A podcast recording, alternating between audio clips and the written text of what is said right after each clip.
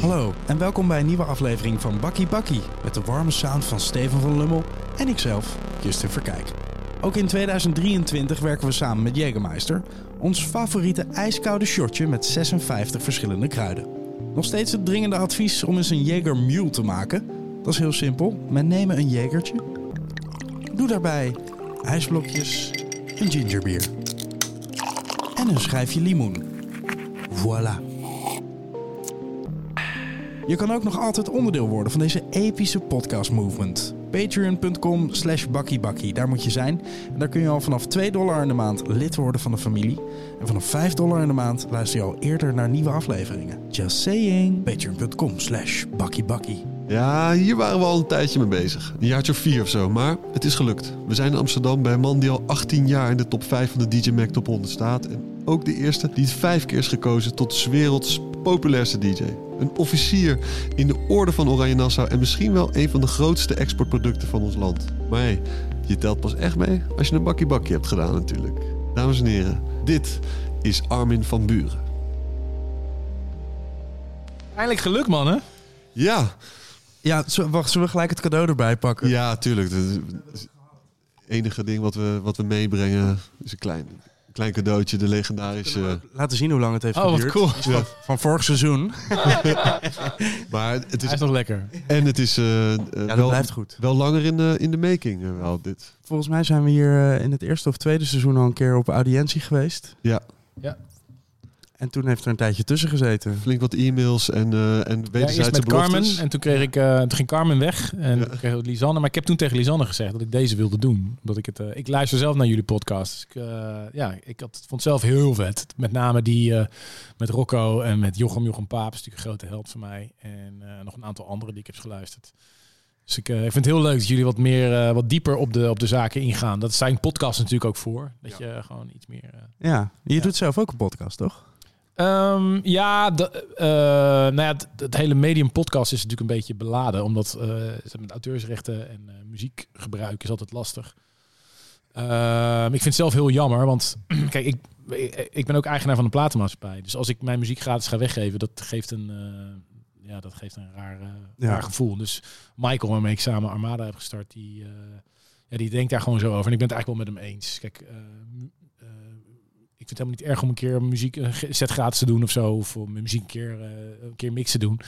Alleen, eh, ja, podcast is in principe gratis. Dus als je een gesprek doet, dan is wat anders dan als je muziek ook... En Ja, maar heel ik dacht vaak dat je ook gesprekken deed. Tenminste, ik heb... ja, eh, ja, ja, daar zijn we wel mee begonnen. Ja. We zijn eh één keer per maand doen we dan eh 10 minutes with. Dat is een soort poging geweest om, om dat ook te doen. Maar ik heb er eigenlijk geen tijd voor, want eh, ik heb natuurlijk elke week State of Trance, dat is al twee uur. En dan nu ook nog eh, drie uur Dance Department elke week. Ja, we zijn In- concurrenten op zaterdagavond. Is dat zo? Ja, ik doe 3FM, een danceprogramma nu. Op Oh, dezelfde echt? tijden. Ja. Oh, wat leuk. Nee, ik zie dat niet als concurrentie. Nee, ik ook niet. Maar je moet dadelijk wel nog een paar jingles voor me inspreken. Oh, dat is goed. luister niet naar 538, luister naar 3FM. oh, wat leuk joh, gefeliciteerd. Ja, het, verst- het versterkt elkaar juist eh, alleen maar, denk ik. Als Ja, het, als nee, het ja. zaterdagavond meer elektronisch wordt aangesproken. Ja, Je vraagt je altijd af waarom, eh, waarom altijd een Burger King en een McDonald's altijd in dezelfde straat liggen. Maar ik denk dat dat voor een reden is. Een beetje, Ja. Je moet mensen wat te kiezen geven. Dat geeft het uiteindelijk alleen maar eh, meer. Ja. Vergelijk je jullie beide programma's nou met een meubelboulevard? Begrijp ik dat goed? Nee, maar ik ben dan de Burger King. ja, precies. Maar ik vroeg me er wel af, want, want je doet, eh, we, we, we zijn wel echt in één keer aan het eind begonnen al nu, geloof ik. Ja, maar dat is eh, want State of Trance doe je sinds eh 2001. Ja. En dat gaat supergoed. Mhm. En daar bereik je superveel mensen mee. Waar- waarom zou je dan nog Dance Department ook erbij gaan doen? Omdat ik, ja, dat is een goede vraag. Ik, ik had, zat een beetje vast in mijn trends jasje. Ik vind trends helemaal te gek. Ehm dat zit het dichtste bij mijn hart. Als ik een muziekstroming zou moeten kiezen, dan ben ik er gewoon trots op. Dan zeg ik gewoon trends. Ja. Dat heeft eigenlijk mee te maken dat ik natuurlijk eh, vroeger ben opgegroeid met de muziek van eh, Jean-Michel Jarre en Vangelis en Kitaro en Klaus Schulze en al dat soort dingen. En dat hoorde ik gewoon als kind, dus dat ligt heel dicht bij mijn hart. Maar ik hou eigenlijk van alle soorten dansmuziek. En ik merk gewoon als ik alleen maar trends luister, dan, ja, dan word ik een beetje murf of zo. Dan wordt mijn, mijn tunnel te klein. En toen kreeg ik toen een paar jaar geleden de mogelijkheid van Dave Minnebo om bij Q-Music dan een nieuw programma te beginnen. En dat was precies in COVID. En ik had toch niks beters te doen. En ik had ineens natuurlijk een wijze gat in mijn Ja. schema. Dus toen ben ik als soort experiment ben ik die Worldwide Club 20 begonnen. En dat vond ik eigenlijk zelf super tof. Want ik, ja, toen ik begon met dansmuziek maken zelf, toen maakte ik trance, maar ik maakte ook heel veel house. En heel veel mensen kennen mij natuurlijk van trance, maar ja, ik heb in die tijd ook met, nog met Olaf Bozowski geproduceerd. Oh ja. allemaal hele vage schuilnamen, allemaal eh vinylplaten gemaakt. En dus mijn, mijn, ik heb gewoon een dancehart, weet je. Dus het heeft niks te maken met dat ik daar carrière mee wil maken. zo, Maar het voelt gewoon heel goed om met dit team ehm, eh, radio te gaan maken. Ook omdat het komt... eh, het is, gaat echt weer terug naar de liefde voor de dance of zo. Ja. En dankzij Dance Department kom ik zelf ook weer in aanraking met heel veel nieuwe muziek. Daarom ga ik ook zelf zo graag naar, eh, naar andere feesten. Ja. Oh, Als je, maar waar haal je de tijd vandaan dan? Want je hebt toch gewoon, je hebt een helemaal dichtgetimmerd eh, schema. Nee, ik heb het allemaal heel strak georganiseerd. Ik heb natuurlijk een waanzinnig team om me heen. Kijk, Dance Department maken we met een, een team van geloof ik zeven man. Eh, en eh, ja, we- ik ben dan wel natuurlijk uiteraard betrokken bij de, de tracklist en de keuze van welke platen we wel en niet draaien. Maar ik vind het zelf gewoon heel belangrijk om met mijn poten in de modder te staan. Ja. Ik heb echt wel even een periode, ook tijdens COVID gehad, dat ik echt mezelf wel afvroeg van, eh, wil ik dit nog wel, weet je wel? Eh, Ja, toch, je stond op het punt van stoppen. ja, hoofd. ik heb er serieus over nagedacht om er helemaal mee, mee te quitten, ja. Omdat ik eigenlijk erachter kwam dat ik helemaal niet zo happy was om zoveel van huis te zijn. En gewoon een continue staat van jetlag. En eh, ja, op een gegeven moment, weet je, hoe, hoe vet zo'n mainstage ook is. Op een gegeven moment, eh, als je dat te vaak achter elkaar doet, dan word je een soort murf gebeukt. Het klinkt een beetje, het is heel eng om dit te zeggen. Want ik ben natuurlijk aan de andere kant ook heel dankbaar dat het mij Ja. overkomt. Mm. En ik ben natuurlijk gewoon echt, echt onwijs geluksvogel dat ik eh, al zoveel jaren mee mag draaien. Maar ehm, ik merkte wel dat ik een beetje vast zat in een bepaald trucje. En ehm, daar wil ik heel erg voor oppassen. Dus ik ben heel erg op zoek naar het kleine jongetje in mezelf. Om, om wel gewoon echt te voelen van ja, dit vind ik te gek. Snap je? Dit, Ja. dit raakt mij. En dat heeft helemaal niks met anderen te maken. Of met status of met roem. Of ik wil bekend zijn. Of ik wil succes halen. Het is gewoon puur van wat vind ik Maar zelf dat heb je allemaal al, toch? Dus dan kan, je weer anders naar kijken. Ja, eigenlijk wel. Ja. Eigenlijk geeft, eh, als je dat allemaal kan afvinken, dan ga, kom je weer terug. Ik weet nog dat mijn vader zei toen ik eh, eenmaal nummer 1 in DJ Make was. Zei, nou, hè, hè, hebben we dat gehad? Kunnen we nu gewoon weer... eh, Nou, pap, misschien. ja. Ja, maar het ding daarmee is dat je er niet zo heel veel aan kan doen. Toch? Je, want het gaat, gaat om populariteit. Mensen moeten op je stemmen. Dus ja, de- het enige wat je kan doen is goede muziek blijven maken. En ja, het is hele... blijven spelen. Maar het is niet iets dat je specifiek kan doen natuurlijk om, om daar te komen. Ja, ik heb ooit een heel mooi vergelijk gehoord van een therapeut waar ik een tijdje bij, bij liep. En die vertelde ook van, eh, ja, dat zijn vrouw was sch- schilder en die schilderde dan een schilderij. En eh, dat schilderij is van haar, is haar kunstuiting, dat is haar kindje, snap je? En op een gegeven moment besluit zij om dat schilderij uit haar galerij te halen, of waar ze dat dan ook maakt, en dan hangt ze dan op. En dan zeg je eigenlijk, oké, het is oké om hier wat van te vinden, snap je? Ja, En dan, kan, dan, dan, is het eigenlijk niet meer van jou. Dan is het, tenminste, het is nog wel jouw schilderij, maar dan kunnen mensen daar in één keer wat van vinden. Maar ondanks wat mensen daarvan vinden, het blijft iets van jou. Snap je? Het is iets en, en dat, begrip, dat begrip snap ik nu heel goed. En dat is met DJ Mac natuurlijk ook. Het is natuurlijk eigenlijk een populariteitspol, maar eigenlijk is het vragen wie is de beste sportman. Dan ben je eigenlijk Max Verstappen aan het vergelijken met. eh, eh, met Messi of Ja. met, eh, weet je, weet ik veel, Djokovic. Ja. Het is, ze doen allemaal sport, maar het is, ja, weet je wel, hoe kan je nou mij vergelijken met, weet ik veel, Carl Cox of zo? Dat, Ja. is, dat slaat toch helemaal nergens op? Jullie lijken wel op elkaar. Ja, mooi. nee, maar ik bedoel, dat, dat, Ja. dus, dat, dat blijf ik altijd raar vinden. Aan de andere kant, weet je wel, we hebben het er wel weer over. Dus het Ja, is precies. En je, je staat al 18 jaar, ik had het even opgeteld, 18 jaar in de top 5. Ja, het heeft me ook heel veel gebracht. Ik bedoel, daar ga ik ook niet over liegen. Dus ik bedoel, zonder, de, zonder die, eh, dat blad had ik natuurlijk ook heel veel dingen niet kunnen, kunnen doen. Ehm, dus het heeft zeker heel veel deuren voor me geopend. Dus ik, ik heb een beetje een dubbel gevoel over altijd. Ja. Je zei net eh, de- de zoektocht naar het kleine jongetje in me. Ja. Ben je dat actief gaan doen? Of hoe, hoe, begin je een zoektocht naar het jongetje in jezelf? Eh, nou, vrij letterlijk. Eh, ik vond boven weer echt klassiek op zolder. eh, mijn oude doos cassettebandjes. En die ben ik, ik ben mijn oude Denon tape deck ben ik gaan schoonmaken bij, wel grappig, ik, het zaakje waar ik hem ooit gekocht had in 1997. Het bestond nog in Leiden. En ja, die waren helemaal van, jezus, heb je dat dek nog? en die zeiden, man, weet je hoeveel dat dek nu waard is? Er zijn dus Oh, gewoon ja? mensen die dan, ja, de oude tape, echt een goed oud tape deck. En Denon is een mooie... Ja, en ik moest die, eh, die kop moest ik demagnetiseren. Daar heb je tegenwoordig allemaal hobbyisten voor. Dus ik had hem ingeleverd en ik kreeg hem weer keurig schoongemaakt terug. En toen ben ik dus al mijn oude tapejes gaan digitaliseren. Dus ik heb op mijn, eh, mijn telefoon nu heb ik al die oude sets, weet je wel, die, die radioshows die ik vaak vroeger veel naar luisterde en, en mixen die ik zelf maakte, heb, heb ik gedigitaliseerd. Want ik wilde zo graag weten van wat was nou ook weer de muziek Die waar, Spark. waar, Ja, ik, waar ik destijds zo verliefd op werd. En ja hoor, inderdaad. Ik heb ze allemaal gevonden. En, en in de, die liefde zit er nog steeds. Het is gewoon, heel veel tracks heb ik op Spotify gevonden. Maar heel veel tracks ook gewoon totaal niet. En ik weet nog steeds niet wat het is. En als je iets eh, moet noemen dat je wel hebt gevonden? Eh, ja, heel veel van die oude, oude RNS-klappers en zo. Ik heb een hele Spotify-lijst gemaakt. Die kan ik wel even met jullie delen. Ah, dat is Ja, tof. Ik kwam er dus achter dat een van mijn favoriete tracks... dat dat een oude Carl Craig topper is. Dat is die Chicken Noodle Soup.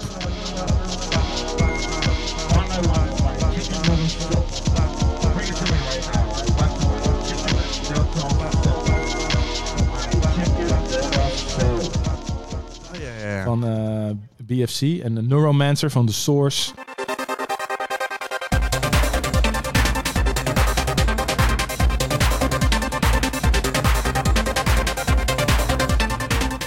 Trip to Paradise van Pete Nemlock. Trip to paradise. Your brain will not know the difference.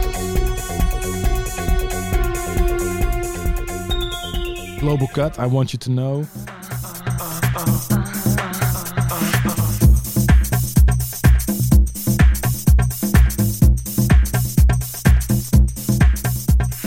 Ja, en, en dan heel specifiek ook bepaalde versies. Dit, dit zijn dan, het is ongeveer de helft van wat ik van op die bandjes heb gevonden. Dan ben ik gewoon met eh Shazam. En zo, ben ik gaan zoeken. En toen dacht ik, ah, dit is wel vet, man. lekker. En dat is eigenlijk voordat het, het woord trans überhaupt... eh, ik weet nog dat Blue Fear uitkwam in 96.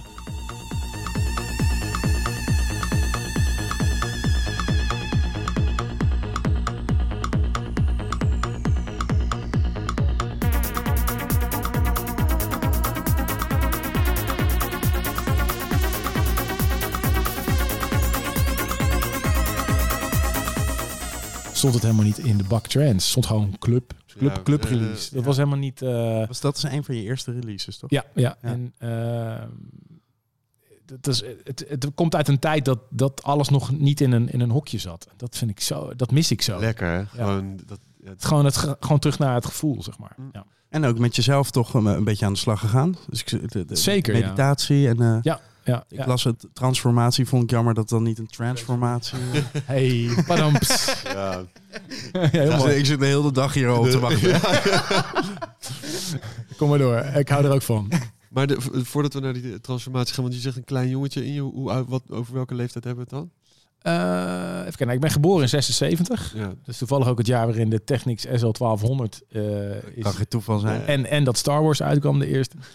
en volgens mij ook de Roland Ter 909. Het is echt bizar, ja, als je dat allemaal terug gaat, eh, gaat zoeken. Ehm, en ja, voor mij was, kijk, de eerste house muziek. Ja, ik luister natuurlijk naar, voor mij is die de Godfather, Ben Liebrand. Eh, Die mixes. Die, ja, nou, de grand mixen en de mini mixen, dat was voor mij gewoon, ik, ik volgde die man gewoon. Sinds ik de weermix hoorde, eh, waarin de ANP-announcer was gesampled op een beat van Art of Noise. Nou, dat was ik verkocht. De weersverwachting tot morgen middernacht. Regen of motregen. De weersverwachting tot morgen middernacht. Onweer. On, onweer. De weersverwachting tot morgen middernacht. Regen of motregen. De weersverwachting tot morgen middernacht. Onweer. O- o- onweer. Ik ben inmiddels goed bevriend met Ben. Hij woont inmiddels op Vancouver Island. Hij is geëmigreerd, maar hij doet nog steeds heel veel mixen. Veel radioshows ook, toch? Heel veel radioshows, ja. En hij is nog steeds dezelfde eh, man en een super lieve man. Echt ongelooflijk. Moeten we niet een keer met z'n drieën daar naartoe vliegen? Ja, eigenlijk wel, ja. Hij zou het heel Ja, leuk toch? vinden. En oprecht, het is een van de meest ehm, eh, echte en, en meest ja, wijze mannen eigenlijk. Het is echt de Jedi Master voor mij dan. Hè? Misschien Nou, voor veel mensen. want Hij heeft Ja. hier vaak ook al over, over de tong gegaan. Ja, Ja, ja, hij was gewoon de eerste die überhaupt op het idee kwam om twee platen door elkaar te mixen. Dat, dat doe je nu in de supermarkt tijdens het vullen van je karretje. Maar in die tijd was het gewoon, het was gewoon niet, dat deed je niet. Weet je, twee platen, er werd gewoon gepraat tussen twee platen. En Ja. dan, weet je wel, dan kwam hier, is eh, Donna Summer en dan kwam de nieuwe plaat. Ja. Aan elkaar mixen, dat is ooit iemand gaan doen in New York. En Ben heeft het daarna eh, gekopieerd van Huip Luiten. En die is dan daarna, en er kwam er in één keer een, een, een, Technics SL1200. En vroeg ik, waarom heb je die toen gekocht? Hij zei, nou niet omdat die draaitafel zo goed was, maar omdat er zo'n gave bolling in die kap zat. ja, dat vertelde hij. Heeft hij gewoon bij een wasmachinewinkel, heeft hij gewoon die, goed zeg. die eh, SL1200 gekocht. Ja, wat dat betreft is het zo tof dat we onderdeel zijn van een cultuur waar we echt nog de, de oorsprong van aan kunnen raken. Ja. Dus daarom lijkt me, ik, blijf erbij, laten we daar naartoe gaan. Ja, dat is goed. Ja. Vancouver Island? Venko, ik denk als je Ben eh, eh, mailt of appt, dat hij eh, dat, hij, eh, dat, hij dat heel tof vindt. Mm. En hij heeft, hij heeft zoveel verhalen, man. Dat is echt eh, Ja. zo gaaf. Echt. Nou, vlak jezelf niet uit, zou ik zeggen. Nee, maar ik heb het wel. Ik bedoel, hij was gewoon voor mij de. Daar begon het. Dus ik was acht of negen jaar. En toen kreeg ik op het schoolplein op de lagere school van mijn vriendje eh, Art, Art Potman. Eh, kreeg ik een mixtapeje met de eerste minimix van Ben Liebrand. En dat was dan inderdaad onder andere die, eh, die weermix. Maar ook, eh, weet je, Crocus Team van Miami Vice met samples uit, uit Miami Vice. Nou, Ja, vet. en dat, en dat was helemaal te gek. En toen, ja, toen dacht ik van, hoe kan dit? Ik was meteen geïnteresseerd van, hoe, hoe, hoe maken ze dit? En dat heb ik eigenlijk nooit meer losgelaten. En ja, toen kwam vrij snel daarna eh, de liefde voor, voor, voor de eerste, eerste housemuziek. En gelukkig hadden we hier in Nederland, eh, want ik was niet oud genoeg. Ik ben ook regelmatig geweigerd bij de Roxy bijvoorbeeld. Stond ik, ik ben nooit binnengekomen. Ik was gewoon niet oud genoeg. Eh, dus ik stond dan voor de deur en dan was het gewoon nee.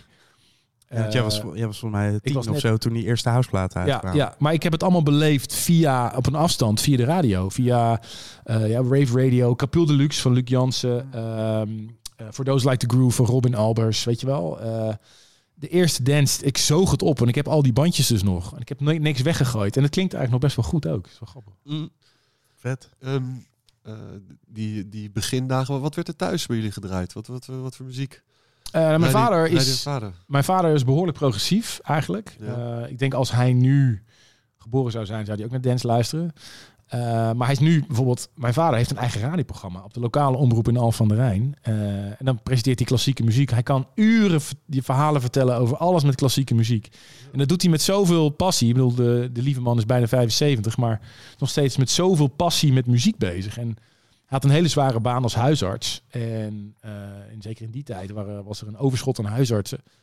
En moest heel hard werken. En voor hem was de manier om, om daarvan bij te komen, was naar muziek eh, luisteren. Dus als klein kind kan ik me niets anders herinneren dan dat hij zo'n grote van die spoelen, weet je wel, van zo'n zo'n Ja, ja. recorder had. En dan nam hij ook van alles op en nam hele experimentele muziek.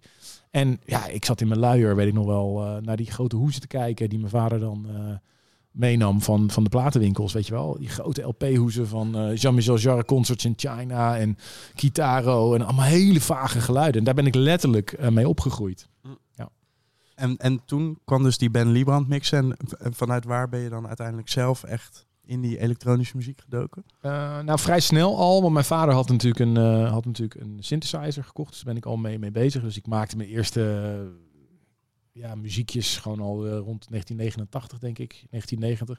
In 1992 heb ik mijn eerste sampler gekocht. Echt eh, krantenwijk voor gelopen. is ook de enige keer dat ik geld heb geleend van mijn vader. 700 gulden, zal nooit vergeten. En toen heb ik een zaakje in Alkmaar eh, zo'n Akai S01 eh, sampler kunnen kopen. Nou, er konden acht samples in. Ik geloof dat het in totaal twee seconden Zeker. sampletijd of zo. 700 gulden, een hoop geld in die tijd. Ja, nou die sampler was iets van 2000. Dus de andere Wow. helft had ik echt Had verdiend je al? met krantenwijk. Ja, ja, ja. En ik was, jongen, ik weet nog dat ik die sampler, dat ik naar huis ging met de trein, met zo'n grote doos in de trein, weet je wel. Goud, En goudstaven. Ik kon alles samplen. Ik kon mijn moeder samplen. Ik kon, eh, ik kan, en ja, toen ben ik helemaal aan dat ding gedoken.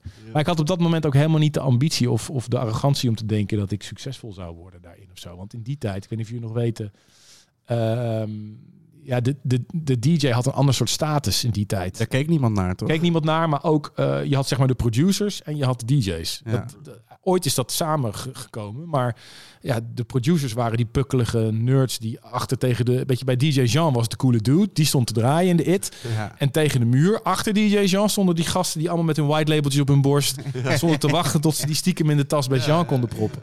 En dat was ook bij Sasha en Dickweed zo. Dat waren geen producers. Die gingen af en toe een plaatje maken, maar dat is met Carl Cox nog steeds zo. Ik bedoel, Ja.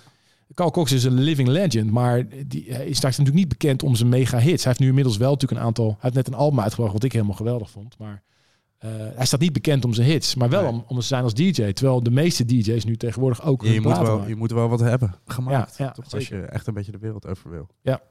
Ja, het is in, in ieder geval de wens van velen.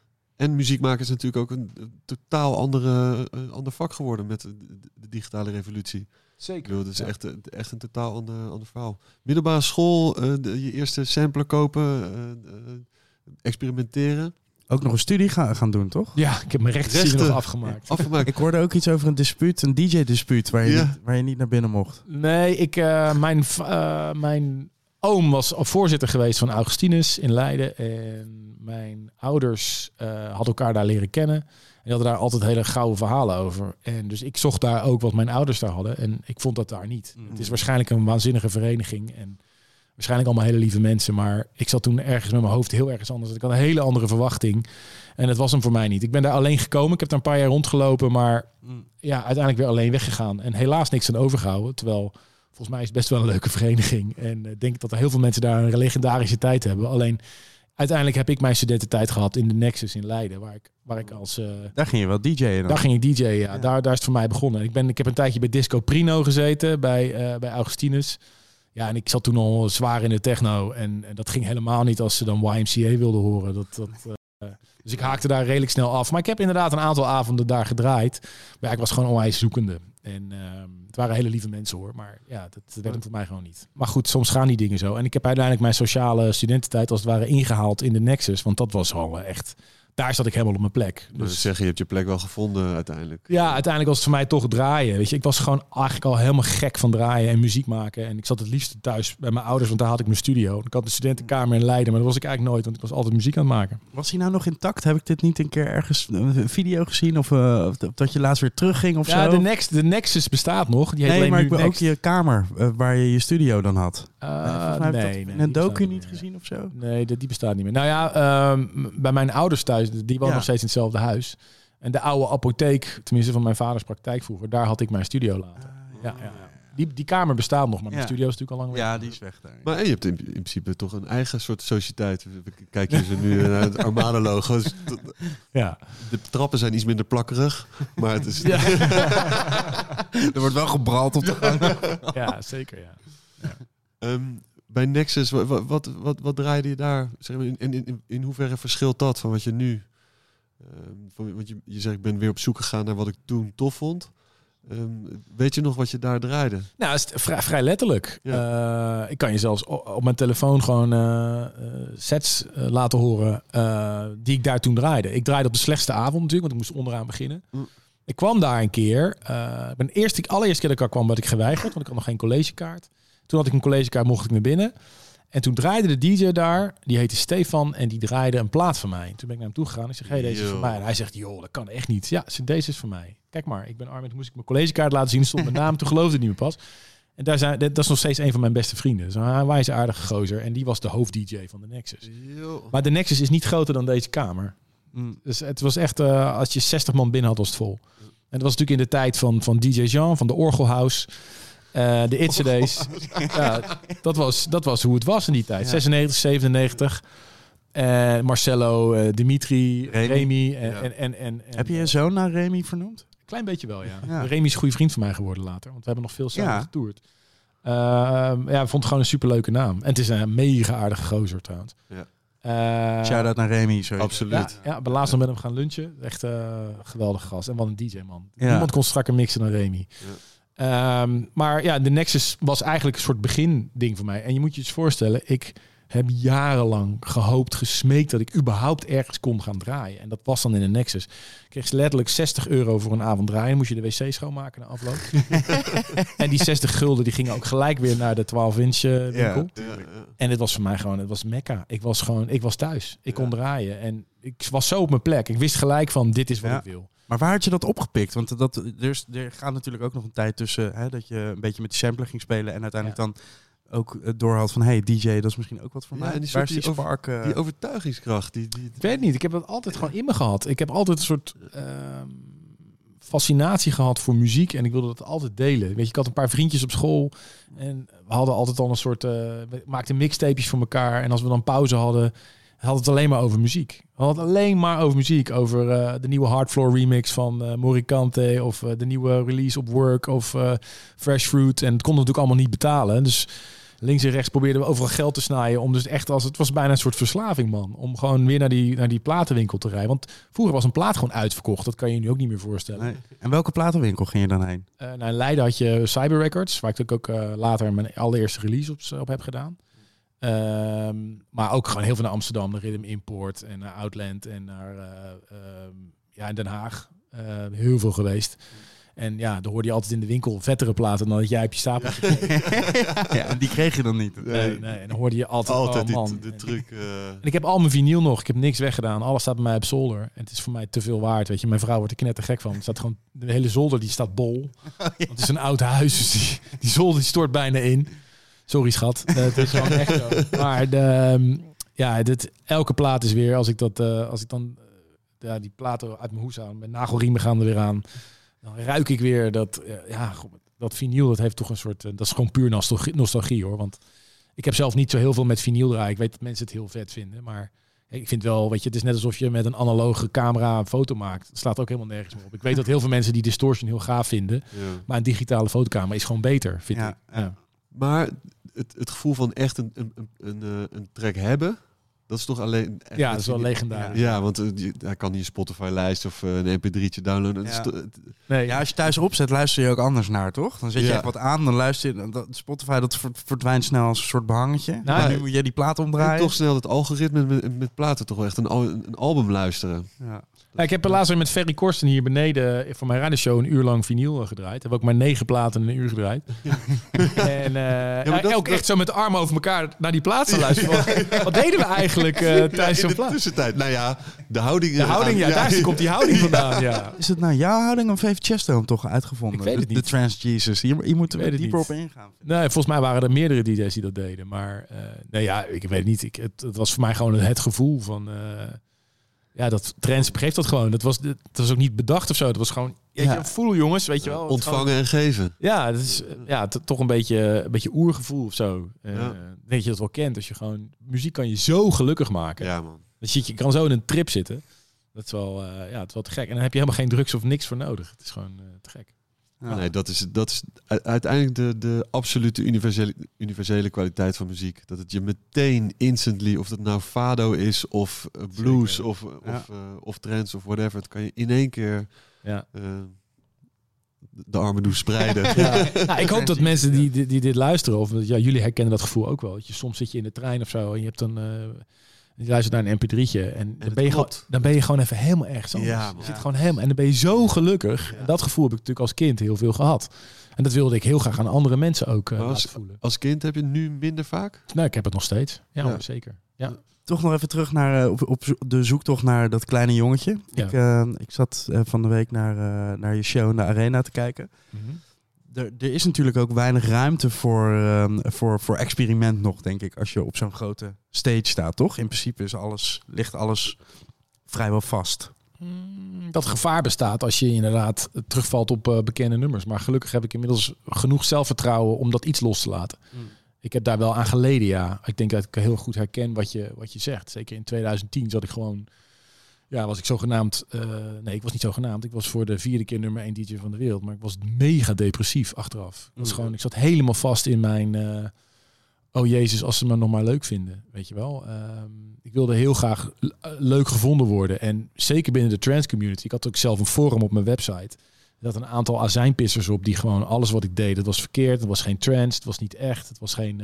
Ja. er waren heel veel mensen die vonden dat ik iets moest. En, ehm, eh, Ja, en er zijn veel ik- meer mensen die het leuk vinden, maar die, dat pikken Nee, er dan minder tussenuit. Precies, en je- het waren 99 positieve comments, maar er was dan één iemand die echt zat te pissen en die drukte precies op, eh, op de gevoelige plek. En, Mm. Want ergens heeft, natuurlijk, hebben ze natuurlijk altijd gelijk met kritiek. Ergens hebben ze altijd een punt. Ja. En dat, dat, dat frat gewoon aan me. En ik ben daardoor ook echt in die tijd gewoon, weet je wel, want ik, zat, ik was gewoon eh, fucking hell man. Ik draaide over de hele wereld alles gewoon uitverkochte stadions. En ik zat gewoon als een ja. klein kind te janken na, na een show. Omdat ik gewoon, zo ging ik toch weer op, op Twitter of op, eh, dat was toen de begintijd van Twitter en zo. Ging ik toch alles weer zitten lezen. Al Ja. die fora. En dat frat aan me, jongen. En dat was, eh, ja, die, die vrijheid. ehm, ik heb dat echt los kunnen laten nu. Ik heb ook geen eh, Twitter meer op mijn telefoon. Ik heb geen Instagram meer op mijn telefoon. Ik stuur het naar mijn team, die posten het. Ja. Dat is gewoon de werkelijkheid. Omdat, ik kan er niet meer tegen, weet je wel. Omdat ik toch een people pleaser ben, diep van binnen. Ik wil graag dat mensen ja, mijn sets leuk vinden en dat ze naar hun zin hebben. Maar dat kan niet, weet je. je kan, het zijn zoveel verschillende karakters die daar staan. En om je vraag even te beantwoorden over die arena show. Gelukkig werk ik nu samen met bijvoorbeeld iemand als Sander Reneman die- van 250k. Hij is natuurlijk ja, mijn tourmanager, maar hij is eigenlijk mijn creative manager. En hij daagt mij uit, samen met eh, voor die show ook theaterregisseur Jos T. Ehm, Het is niet normaal man, die show. Ik Ja. echt met open mond. Ik zag een vliegende pianist. ja, dat. Maar ook bijvoorbeeld, eh, zij vonden het dan heel vet dat ik gewoon Blue Fear, mijn allereerste plaat die ik op Cyber Records gewoon op vinyl draaide op de middenstip in de arena. Dus ja, ja. dat zal ik ook nooit vergeten. Dat heb ik ook echt gedaan. We hebben dus midden in die show, want een show is vol toeters en bellen met ledschermen, vuurwerk, pyro, vliegende en dat dansers. moet toch wel allemaal sync zijn. Dus dat Allemaal sync. Ja. Laatste technieken. En dan gewoon een man die in zijn witte broek en zijn, pla eh, zijn pla- platenkoffer naar de middenstip loopt. Waar één draaitafel staat. En dan die naald pakken. En heel demonstratief gewoon die naald in die eerste groef zetten. Hele arena stil. En toen dan begint Blue Fear. Nou, Ja. Dat was voor mij het hoogtepunt. Omdat dat zo lullig simpel is. Maar wel teruggaat naar dat kleine jongetje. Ja. Dus ik heb het, ja, dat, met dat moment wilde ik ook wel een statement maken van, ik weet waar ik vandaan kom en ik weet dat dat de Armin is die, eh, waar heel veel mensen ook in die tijd eh, eh, gek op zijn geworden. Omdat Ja. dat was gewoon Blue Fear. Dat was gewoon, ik had geen idee wat ik, wat ik deed. Echt niet. Maar het, het voelde gewoon goed. Ja. En als je heel dicht in, dat was ook altijd als ik produceerde in die tijd, dan ging ik echt uren achter elkaar door. Ik moest plassen, voelde ik niet. Eh, ik, ik moest eigenlijk eh, drinken, deed ik niet. Ik ging gewoon acht uur lang, zat ik in één houding aan een plaat werken. En eh, dat, dat, dat, ik was daarna ook kapot. Was echt gesloopt. Ik kon gewoon dagenlang niks doen. Ik was gewoon helemaal moe. Omdat je zat zo met jezelf in verbinding. Je was zo bezig om iets puurs te maken. Ik had, werkte met niemand samen. Ik deed natuurlijk alles alleen. En dat was heel, heel magisch, ja. Ja. Je, je zei net, ik had het gevoel dat ik heel veel moest van andere mensen. Maar moet je Ja. niet ook heel veel van jezelf? Ja, zeker. Ja. Ja. Dat ligt natuurlijk uiteindelijk, ligt daar natuurlijk eh, zit een hoop schaamte achter. Ja. Schaamte dat je niet goed genoeg bent of eh, niet, niet, eh, ja, niet kunt performen of zo. Of dat je mensen teleurstelt. Terwijl die, die stel je per definitie altijd teleur. ja, en je staat in een stadion. Ja. Ja. en, en, en people, maar je kan nooit iedereen. Ja. eh. Waarom niet? ja. Ja. Ehm, en, en nu toch fast forward, op de een of andere manier zeg je, nu ben, heb ik het los kunnen laten. Dus ja, toch meer los kunnen laten. meer, ja, precies. Ja, want er zit ergens, er zit natuurlijk, toch- het blijft toch een kern. En is dan meditatie wat je daarmee heeft geholpen? Zeker, ja. Ja? Ja, ik, ik, echt, ik, zal, ik, ik zal je eerlijk zeggen, ik was de grootste anti-meditatie eh, persoon. Ik begreep er echt helemaal niks van. Dan ben ik een stuk of vijf keer begonnen met apps en, eh, en eh, naar de Xenos voor allerlei wierook en moeilijke kussentjes en zo. Maar, Maar goed, dat- je moest natuurlijk eigenlijk nog steeds allerlei dingen van jezelf. Dus oké, nu mediteren, oké, dan moet ik het nu ga ik mediteren. Ja, Ja, ja, dan, moet, ik dan moet het lukken. Het moet me lukken. Precies. Het moet me lukken. Ik kan het. Ik kan het. Een witte muur. Ik, ik voel niks. Ik, zie- ik, geen gedachten. Geen gedachten. Geen, gedachten. gedachten, precies. Nee, het zijn wolken. Ze drijven voorbij. Oké, prima. Oké, nog een wolk. Nog een wolk. Het is bewolkt. Het is een grijze lucht. Me- Mediteer jij ook of niet? ja. Ja, precies. Nou, zie je, dan praat je, ik voel gelijk dat jij dat ook eh doet. Ik begrijp nu dat meditatie dus juist niet dat vinkje op je to-do-lijst is. En het gaat juist over dat hele lijstje. Precies. Maar En, daar, eh, ko- daar komen is, eh, is Dat is. eh, een reis op zich. ik heb echt een soort, ja, hoe noem je dat? Spiritual awakening gehad rond, Mm. rond COVID, zeg maar, voor mezelf. Ik helemaal gestopt met drinken. Ik deed sowieso nooit drugs. Ehm, en ja, het heeft me zoveel gebracht, jongen. Dus ik ben zoveel gelukkiger mens nu. Eh, wat een ander van mij vindt, kan mij veel minder boeien. Ja. Ik vind het nog steeds belangrijk natuurlijk, want je maakt muziek uiteindelijk ook voor anderen om dat eventueel leuk te vinden. Ehm, maar ik vind het nu veel belangrijker of ik het zelf vet vind. En ehm, eh, ik ga niet meer eindeloos eh, zitten sm- smeken of zo alsjeblieft me al mijn muziek leuk vinden, want dat gaat hem, dat gaat hem toch niet worden. Het is in ieder geval authentiek. Het is veel authentieker, ja, denk ik. Ja. Maar zit het nu, heb je een soort rituelen? Is het er opstaan gelijk eh, op een kussentje zitten? Of, of, of zo? Eh, nee, ik heb elke ochtend, eh, ja, ik gebruik zo'n app. Ehm, eh, ik kan het je la- kan jullie laten zien. Ik kan het ook zien. Ik kan niet faken. Dus ik heb nu 441 dagen achter elkaar gemediteerd. oh, kijk. Dat kan je niet faken, want dat Nee. houdt die app bij. Dus in totaal 711 dagen, waarvan 441 elke dag. Ja, precies. Je, hebt een van je assistenten heb je gevraagd om het iedere dag even aan te zetten. Ja, precies. je kan het faken, inderdaad, wat dat betreft. Nee, maar ik heb het wel. eh, ik heb daar heel veel aan, omdat ehm, het gaat eigenlijk over de mes, de, weet je wel, de, de aap in mijn hoofd. Die staat altijd aan. Ja. En ehm, ja, je wordt 's morgens wakker en wat ik vroeger altijd deed, was altijd het eerste wat ik deed voor mijn vriendin, eh mijn vrouw nu dan, een knuffel geven en naar mijn kinderen gaan. Dus altijd die telefoon pakken. Ik kon je de voorpagina's van nu.nl, Telegraaf, Volkskrant en AD kon ik je allemaal al vertellen. Tien minuten nadat ik wakker werd. En het slaat natuurlijk helemaal nergens op. Want eh, wat is het belangrijkste? Dat is jezelf. Ja. Ga eerst even douchen, man. Ga even naar de wc, geef je vrouw een kus, eh, maak even ontbijt voor jezelf en check dan je telefoon. Want mijn hoofd staat altijd aan en daar heb ik dus door middel van meditatie heel goed naar leren kijken. Dus gewoon, ja, weet je wel, gewoon een soort derde persoon creëren in je hoofd die naar jou kijkt. Van, ja, wat is er dan zo belangrijk voor me? En dat die gedachten afdwalen is helemaal oké. Ja. Dan moet je niet eh, vechten, daar moet, je, daar moet je wat mee. Want blijkbaar vind jij die gedachten zo belangrijk dat het jouw meditatie onderbreekt. Dus het begint eigenlijk bij goed voor jezelf zorgen. En dat heb ik jarenlang niet gedaan. Ook niet als ik muziek maakte, dan was ik zo in, die, in, in het moment. Dat ik gewoon vergat om te eten of eh, naar de wc te gaan, weet je wel. En dat heb ik wel echt nu achter me gelaten. Dus het begint nu eerst bij mezelf. Het begint eerst gewoon van, oké, ehm, gewoon gezond gedrag, weet je wel. Gewoon sporten. Ja. Ehm, eh, gewoon één bak koffie. eh, even met mijn vrouw zitten van, goh, wat ga jij doen vandaag?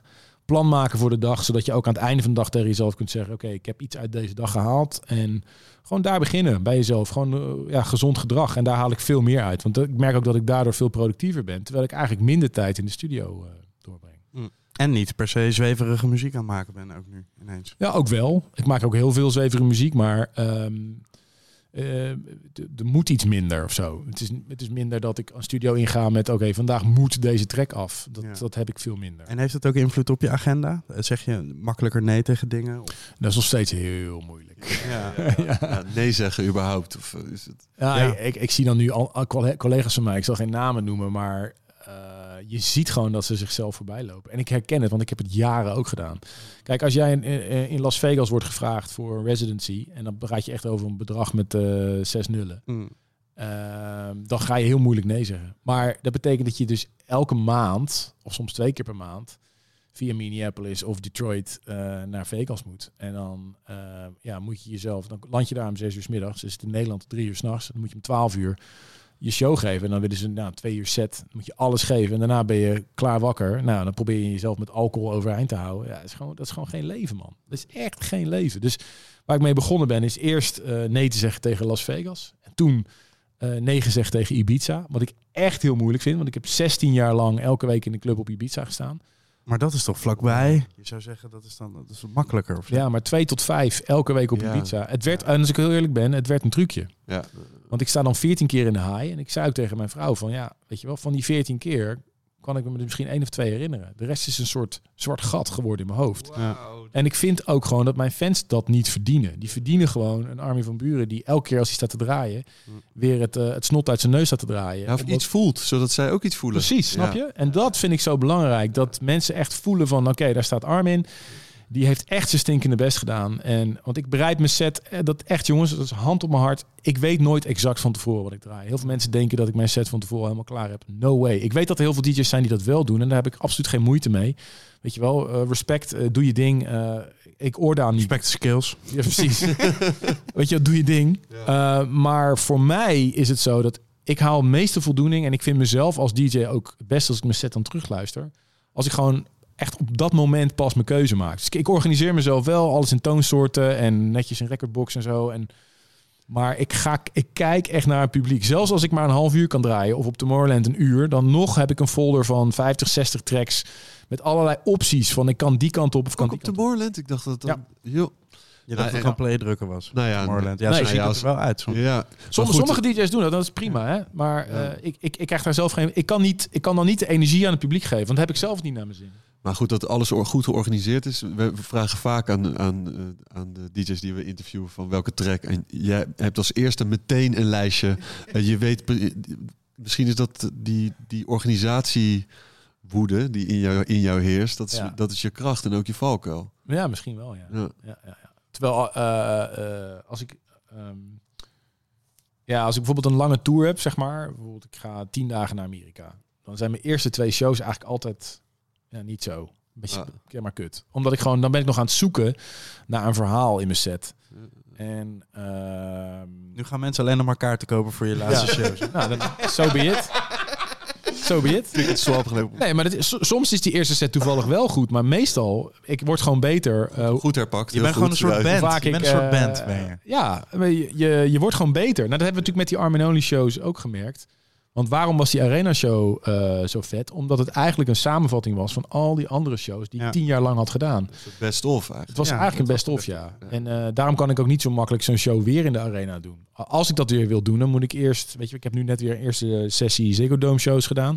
Dat was super vet. Vijf toch? stuks. Ja, maar de vierde en de vijfde vond ik zelf vetter dan de eerste twee. Ja. Om, omdat, eh, ja, dan, weet je, we moeten heel veel mensen nog wennen aan hun cues. En je kan het natuurlijk heel goed repeteren, hè, zoals Ja. een artiest opkomt of wat dan ook. Alleen, Maar verandert er dan... Is de, de muziek iedere avond hetzelfde? Nee. nee. nee, nee. Zitten Ja, altijd alleen met die gastmuzikanten dan. met de gastmuzikanten wel. Dus die weten, oh, die hebben ongeveer een richttijd. Ja. Ehm, dat ze ongeveer weten van, nou, zo laat moet opkomen. Maar dat kan tien minuten ervoor en tien minuten daarna zijn. Ja. Ja. Ja. Nee, je kan niet zeggen, die ga ik niet draaien. Nee, Dat voel ik even niet vandaag. nee, nee, nee, dat is lastig. En live artiest. jij hebt ook de, de, zo, volgens mij de drang om jezelf altijd te overtreffen. Hoe, hoe kan je zo'n eh, zo'n arena-show nog overtreffen? Dat, dit- het zag er redelijk endgame eh, uit. ik denk niet dat... Ja, toevallig hadden we daar vandaag een discussie over. Eh, nee, dat is ook heel lastig. Maar goed, ik heb natuurlijk al vaker met dat bijltje gehakt, weet je wel. Ik heb natuurlijk ook wel een writersblok gehad na bijvoorbeeld Burn With Desire of zo in 2003. Of na Communication, man. Jezus, ik heb gewoon anderhalf jaar daarna geen fatsoenlijke plaat kunnen maken. Want ik ging alleen maar... op zoek naar het vervolg erop. Ja, ik pakte dezelfde kick en dezelfde hi-hats. Terwijl wat je, wat je moet doen, volgens mij... Tenminste, wat voor mij heel belangrijk is... Laat ik puur vanuit mezelf praten... Is teruggaan naar dat jongetje...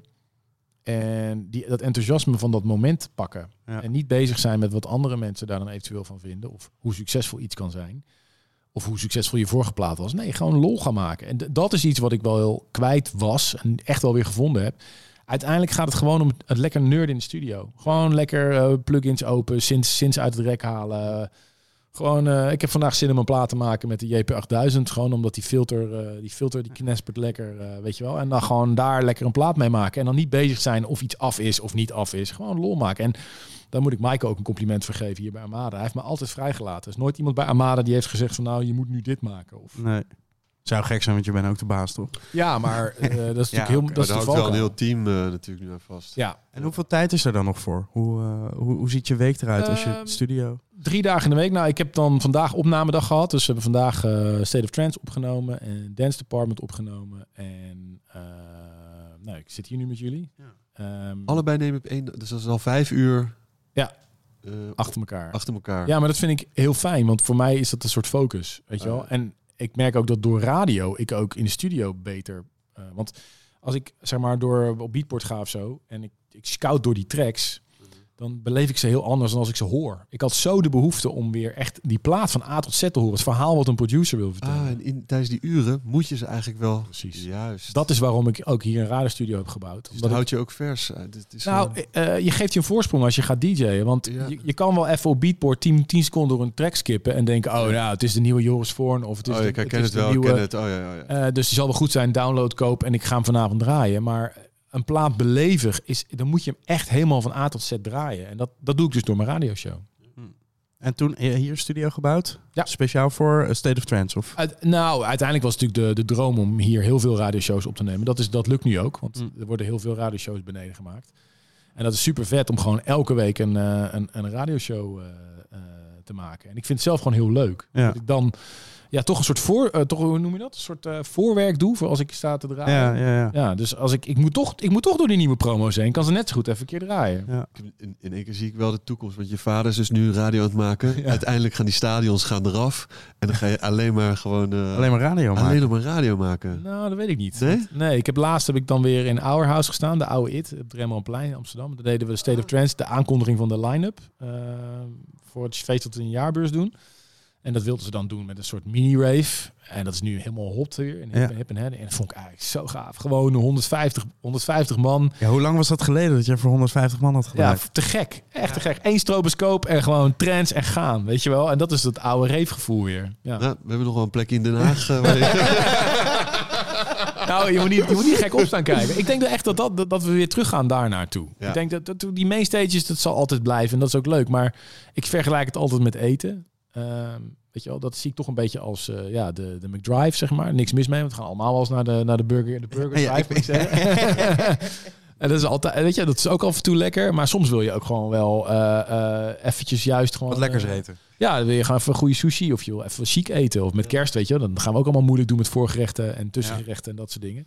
En dus zo zie ik draaien ook. Het is, als je alleen maar mainstages draait, dat is echt niet leuk. En als je alleen maar clubs doet, is ook niet leuk. Het is juist de afwisseling die het gaaf maakt. Ja, maar ik denk dat het kleine jongetje uiteindelijk liever misschien op, zo'n kleine plek Nee staat. hoor. Nee hoor, want het is ook heel gaaf om gewoon eh, in de jaarbeurs gewoon knallende set te draaien. En op het einde gewoon een acht minuten durende transplaat waar mensen gewoon helemaal uit hun stekker gaan. Dat, is, dat kan ook. Het is ook een uitdaging, weet je wel. Ik zie dat dan ook wel weer als een, eh, ja, als, echt als een uitdaging. Dat is de, ook het eind van een, een tour, toch? Van die eh, State of Trance, dat feest in de jaarbeurs. Nee, het begin eigenlijk nu. Oh, Ja, ja. ja, we hebben dus nu een rebranding gedaan. Ja, wat we altijd deden was die ronde nummers van afleveringen van de radioshow. Daar komt nog een feest aan. Dat hebben we nu losgelaten.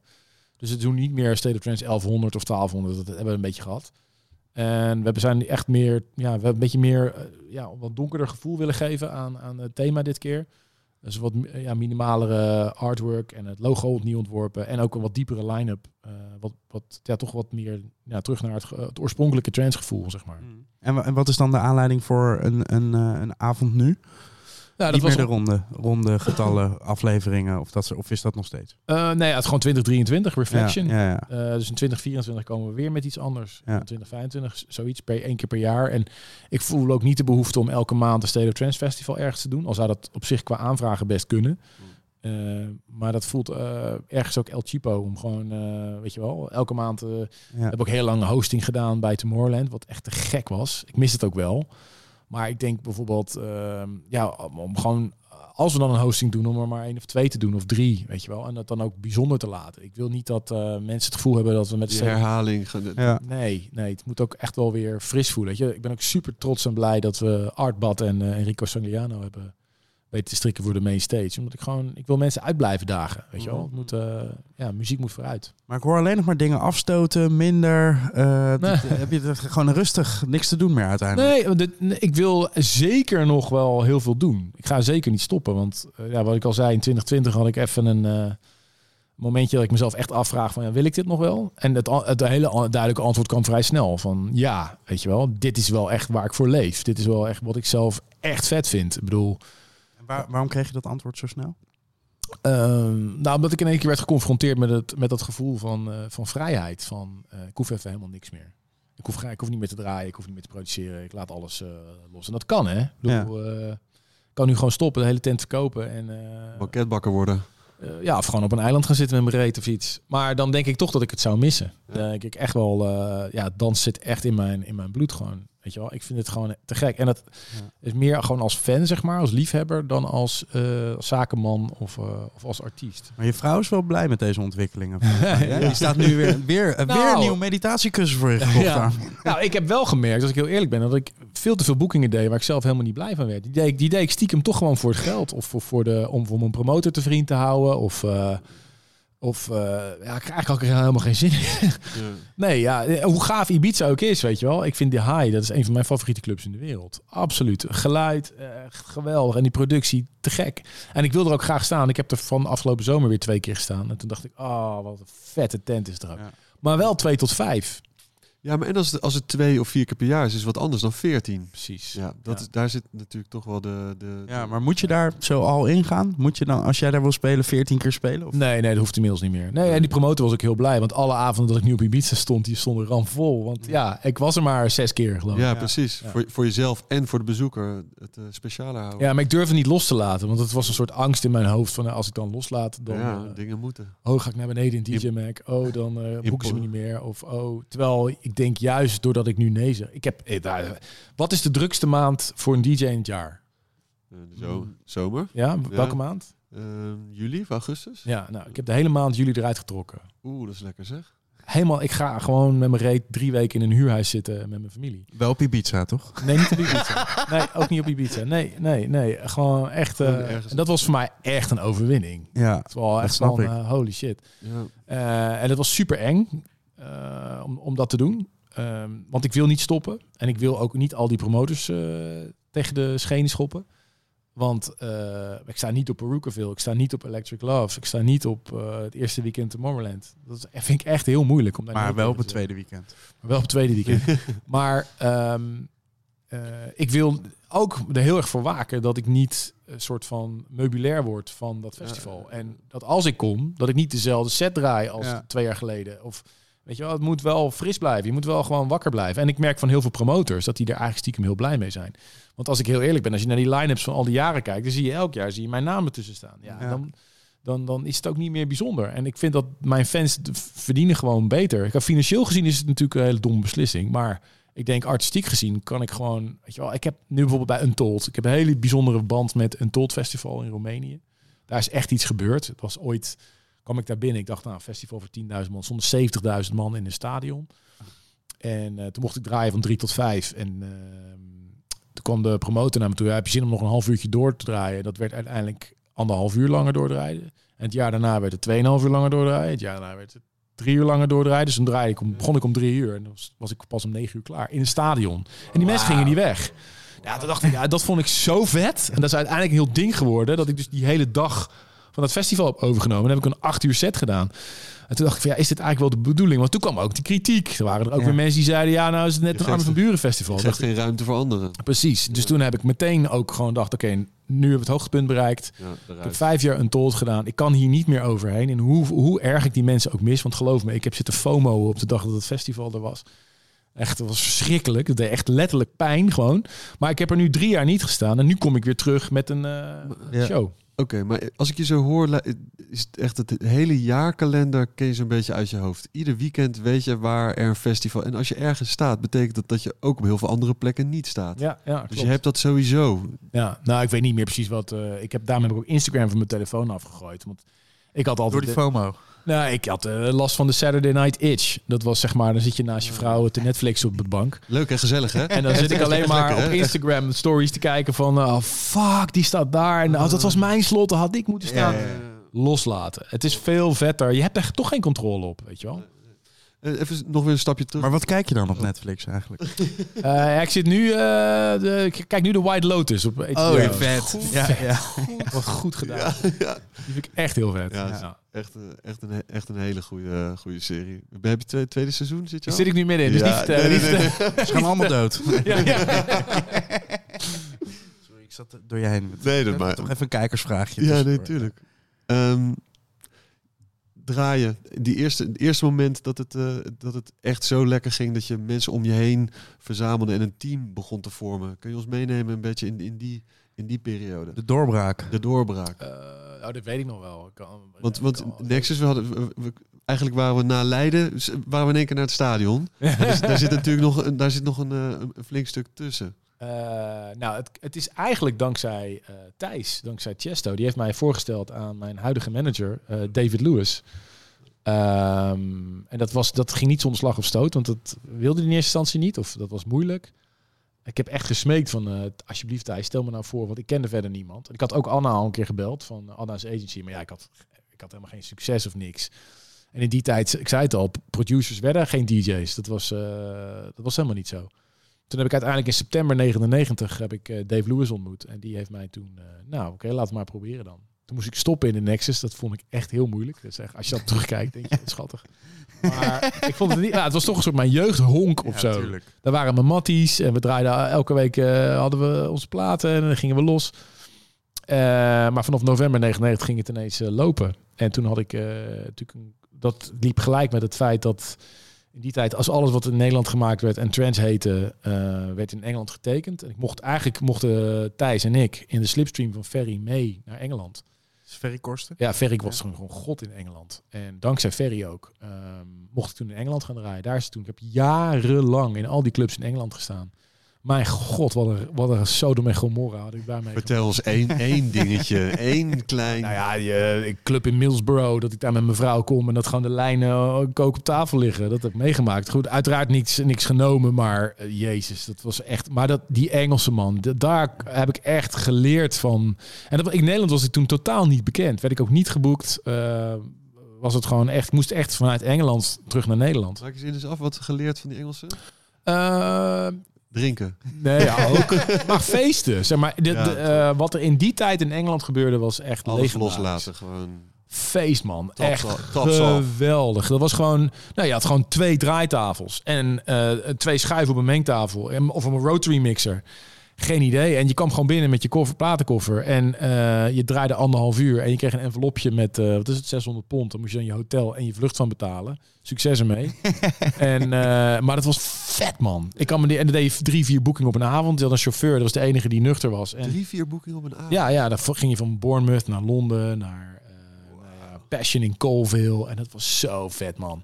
Daar werd, trends, er werd een trendsplaat echt beleefd. En nog steeds heb ik dat met heel veel platen uit die tijd. Eh, Grace Not Over Yet, weet je wel, dat soort platen.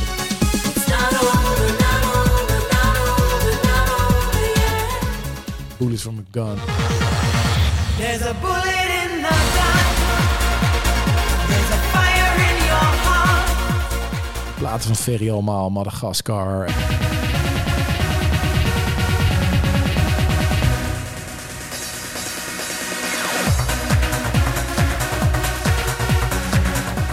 Out of the Blue.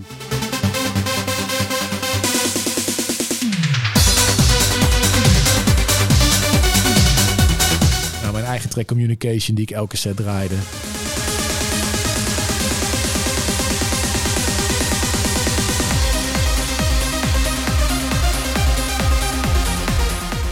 Ja, dat was, oh man, dat was een legendaar. Maar dat was een hele andere tijd. Want ik, er was echt een soort omslagpunt ook.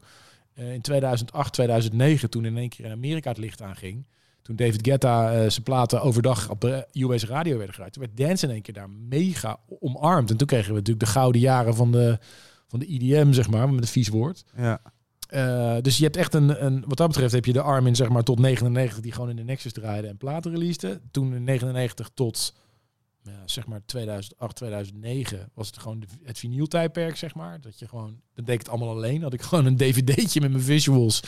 En ik liep gewoon een club binnen en eh, ja, ging je gewoon vinyl draaien. Maar toen dus wel ook al visuals helemaal onder eigen controle.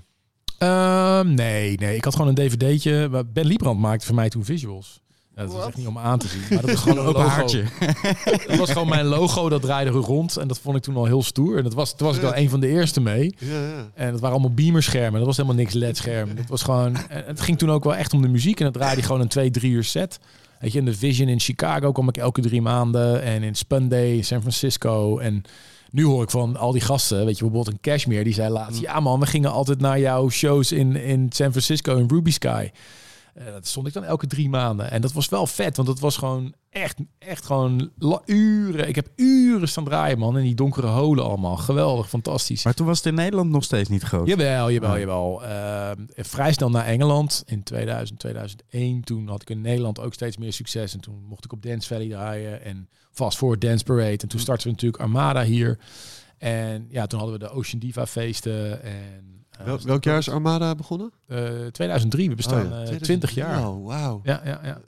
En het was eigenlijk omdat het label waar ik toen zat, United, wat geweldige gasten waren, maar ja, die hadden gewoon niet eh, dezelfde passie voor trance. Die geloofden daar niet in. Die hadden, gewoon, die hadden gewoon hun eigen ding meer met house en zo. En ik, ik wilde gewoon echt de trance in.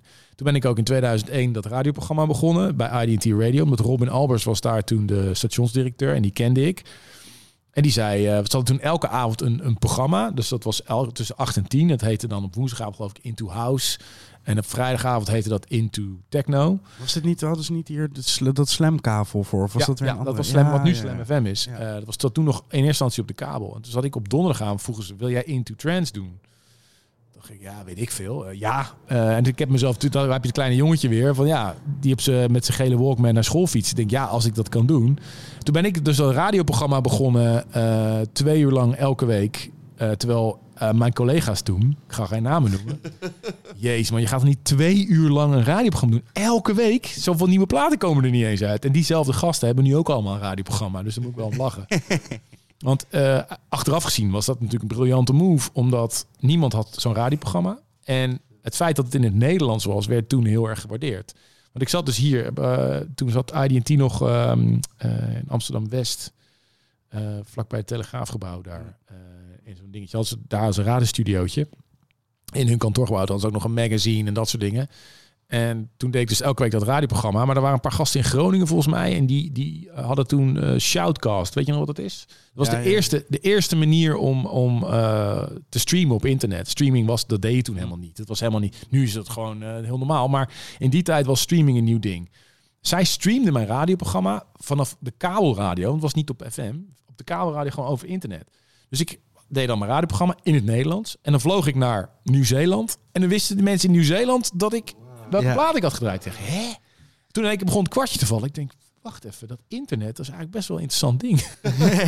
dat kan nog wel eens wat worden. Ja, wel eens wat worden, Ik hoorde goede dingen over, inderdaad. En eh, er gebeurde nog wat anders, want achter mij in de radiostudio kwamen allerlei Nederlandse producers zitten, eh, die allemaal CDR'tjes bij zich hadden met te gekke muziek. Eh, Mark Otte, eh, Robert Nixon, ja, Ruben de Ronde later ook. Eh, gewoon allemaal jonge gasten die gewoon te gekke muziek maakten, maar geen label. Dus ik zei tegen Michael, mijn, die werkte toen bij Warner Music, die wilde een eigen label beginnen.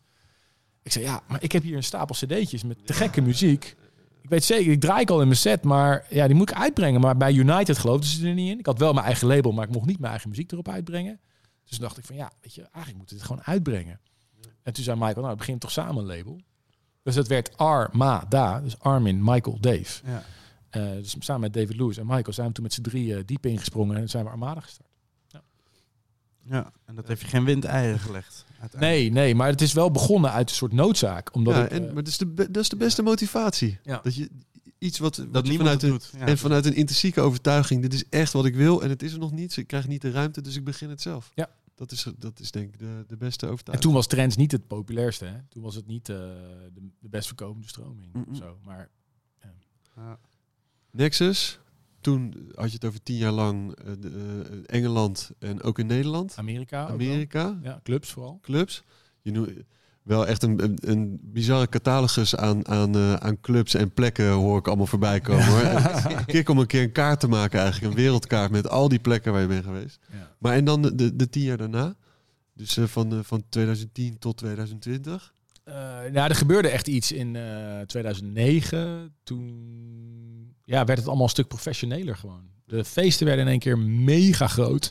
Het was in één keer allemaal, ja, het was een clubding. En voor mij is het dat ook nog steeds. Weet je wel? Het is eigenlijk muziek die thuis hoort in de clubs. Maar het is die festivalisering eigenlijk die toen Ja. echt ging vliegen. Ja, en dat komt met mede door, door, dus, door, door, door dat ja, de radio massaal eh, de dansmuziek ging omarmen. In die tijd kwam natuurlijk ook Avicii op en eh, Martin Garrix en, en al dat soort namen. Die, eh, ineens wa- was dansmuziek cool. En er was een hele generatie die opgroeide met dance. Dat was helemaal het ding.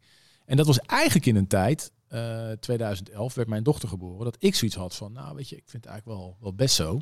En ik zat helemaal in mijn trends wereld. En er mocht echt niks, want ik wist precies hoe de trendslijntjes werden getekend door de puristen. Daar mocht ik niet buiten wandelen.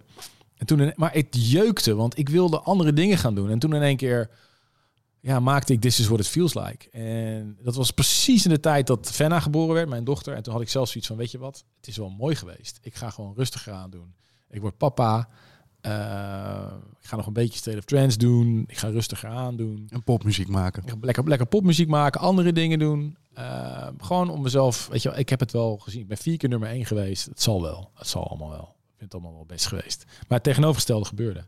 Want doordat, doordat alles explodeerde en this is what it feels like. Man, man, Ja, man, man. monsterhit. No, I don't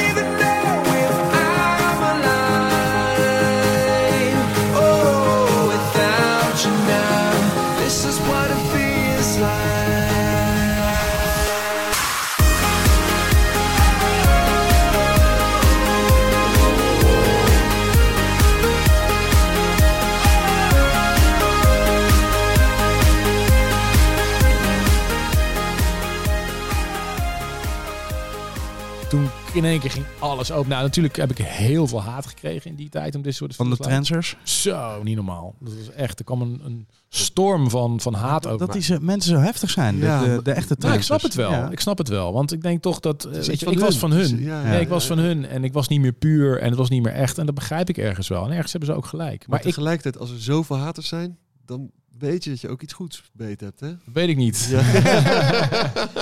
Het deed wel het deed verdomde pijn. Ja, omdat dat ik natuurlijk ook wel vond dat ze gelijk hadden ergens. En ergens voelde het ook als een sell-out. Maar eh This is what it feels like is een plaat die heeft anderhalf jaar geduurd voordat we die song echt helemaal af hadden. En eh, ja, toen hebben, zijn we die Armin begonnen in de Ziggo Dome.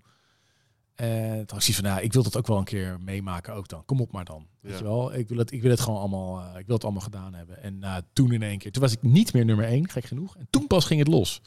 Toen ik geen nummer één DJ van de wereld meer was, toen echt, jongen, nou, die, eh, die tour hebben gewoon 34 landen gedaan, 34 mega venues uitverkocht. Nou, het staat allemaal nog online op YouTube, kan je allemaal terugkijken.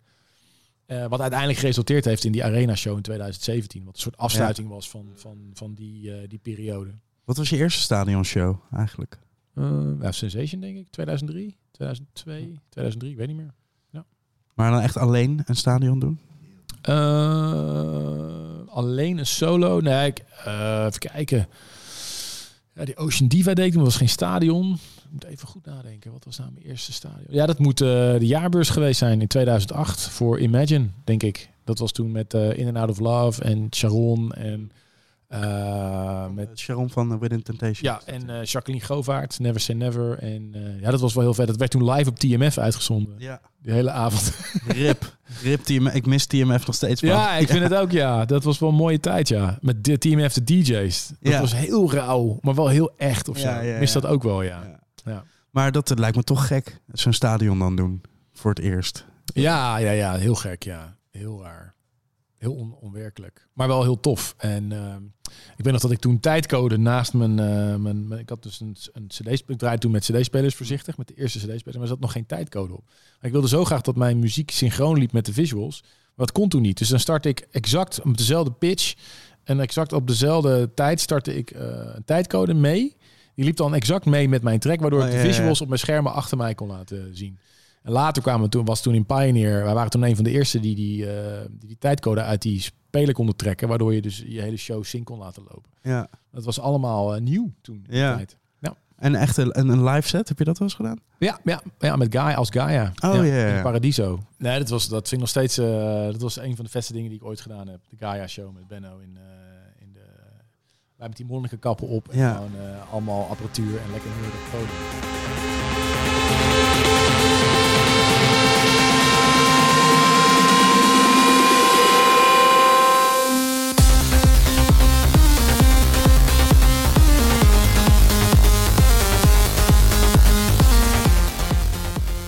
Benno de Goeie, is dat toch? Ja, Benno de Groei is... eh, is dat ook die man op die vliegende piano? Ja. Of niet? Ja, ja, ja, Benno is eigenlijk eh, de helft van rank 1. Ik noem hem altijd rank en half. en eh, ja, Benno heeft natuurlijk een mega hit gescoord. eh, ook in die beginjaren van de trend. Samen met Pete Barefoot als rank 1. Airwave is natuurlijk een uh, trance classic. I feel you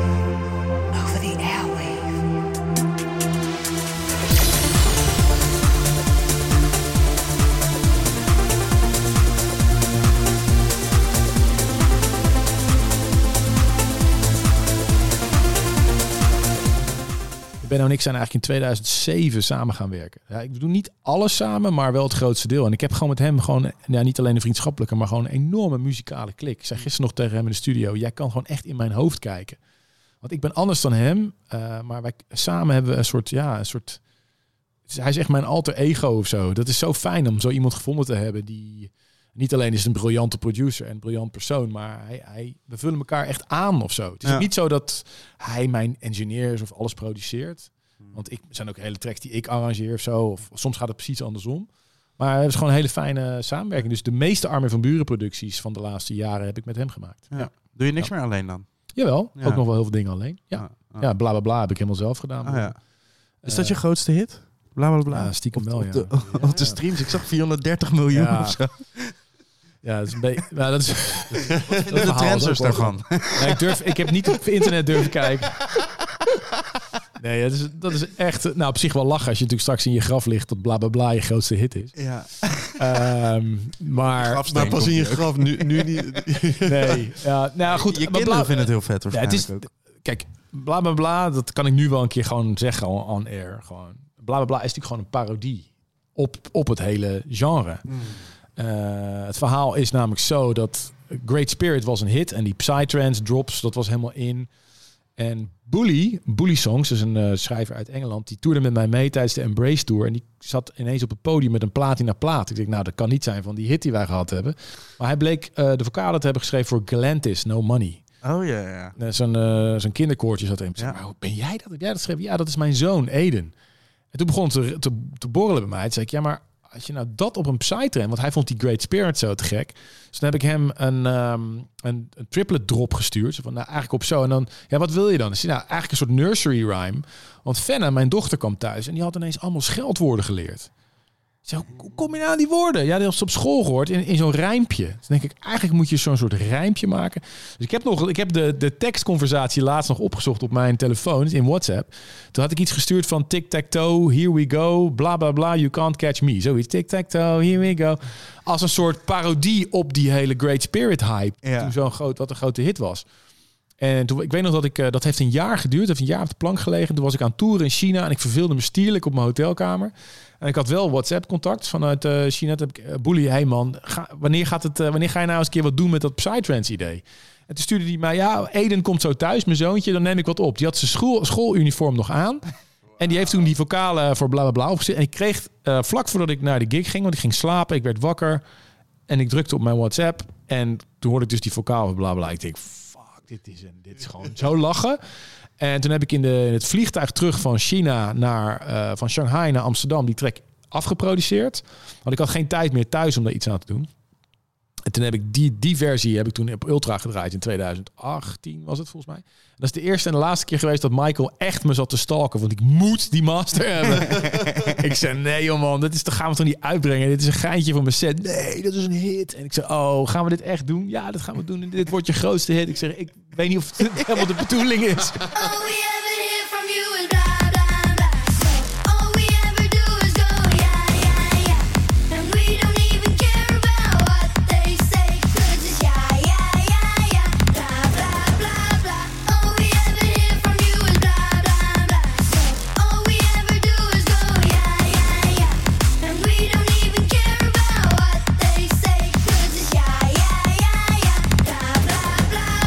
hoe vet ik dansmuziek ook vind.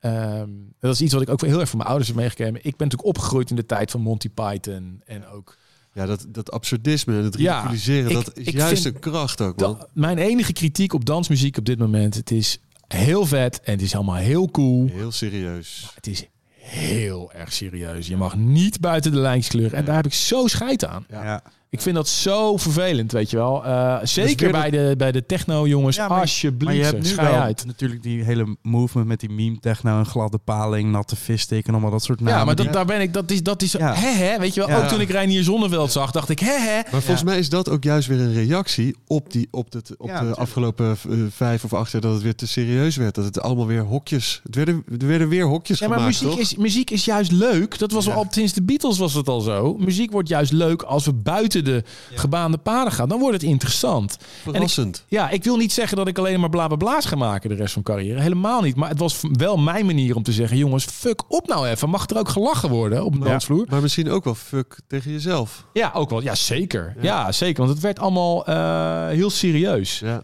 een gegeven moment word je daar gewoon heel boos van. En bla bla bla is eigenlijk een uiting daarvan. Op een, op een, eh, op een hele cynische manier. En je Ja. kan nu 28 keer eh, de high doen. Nee, maar dat is gewoon, het is gewoon de waarheid. Maar En ju- het- juist ook wel alleen op een hotelkamer in China. Ja, uit verveling. Uit verve- ja, het- wat dat betreft klopt het.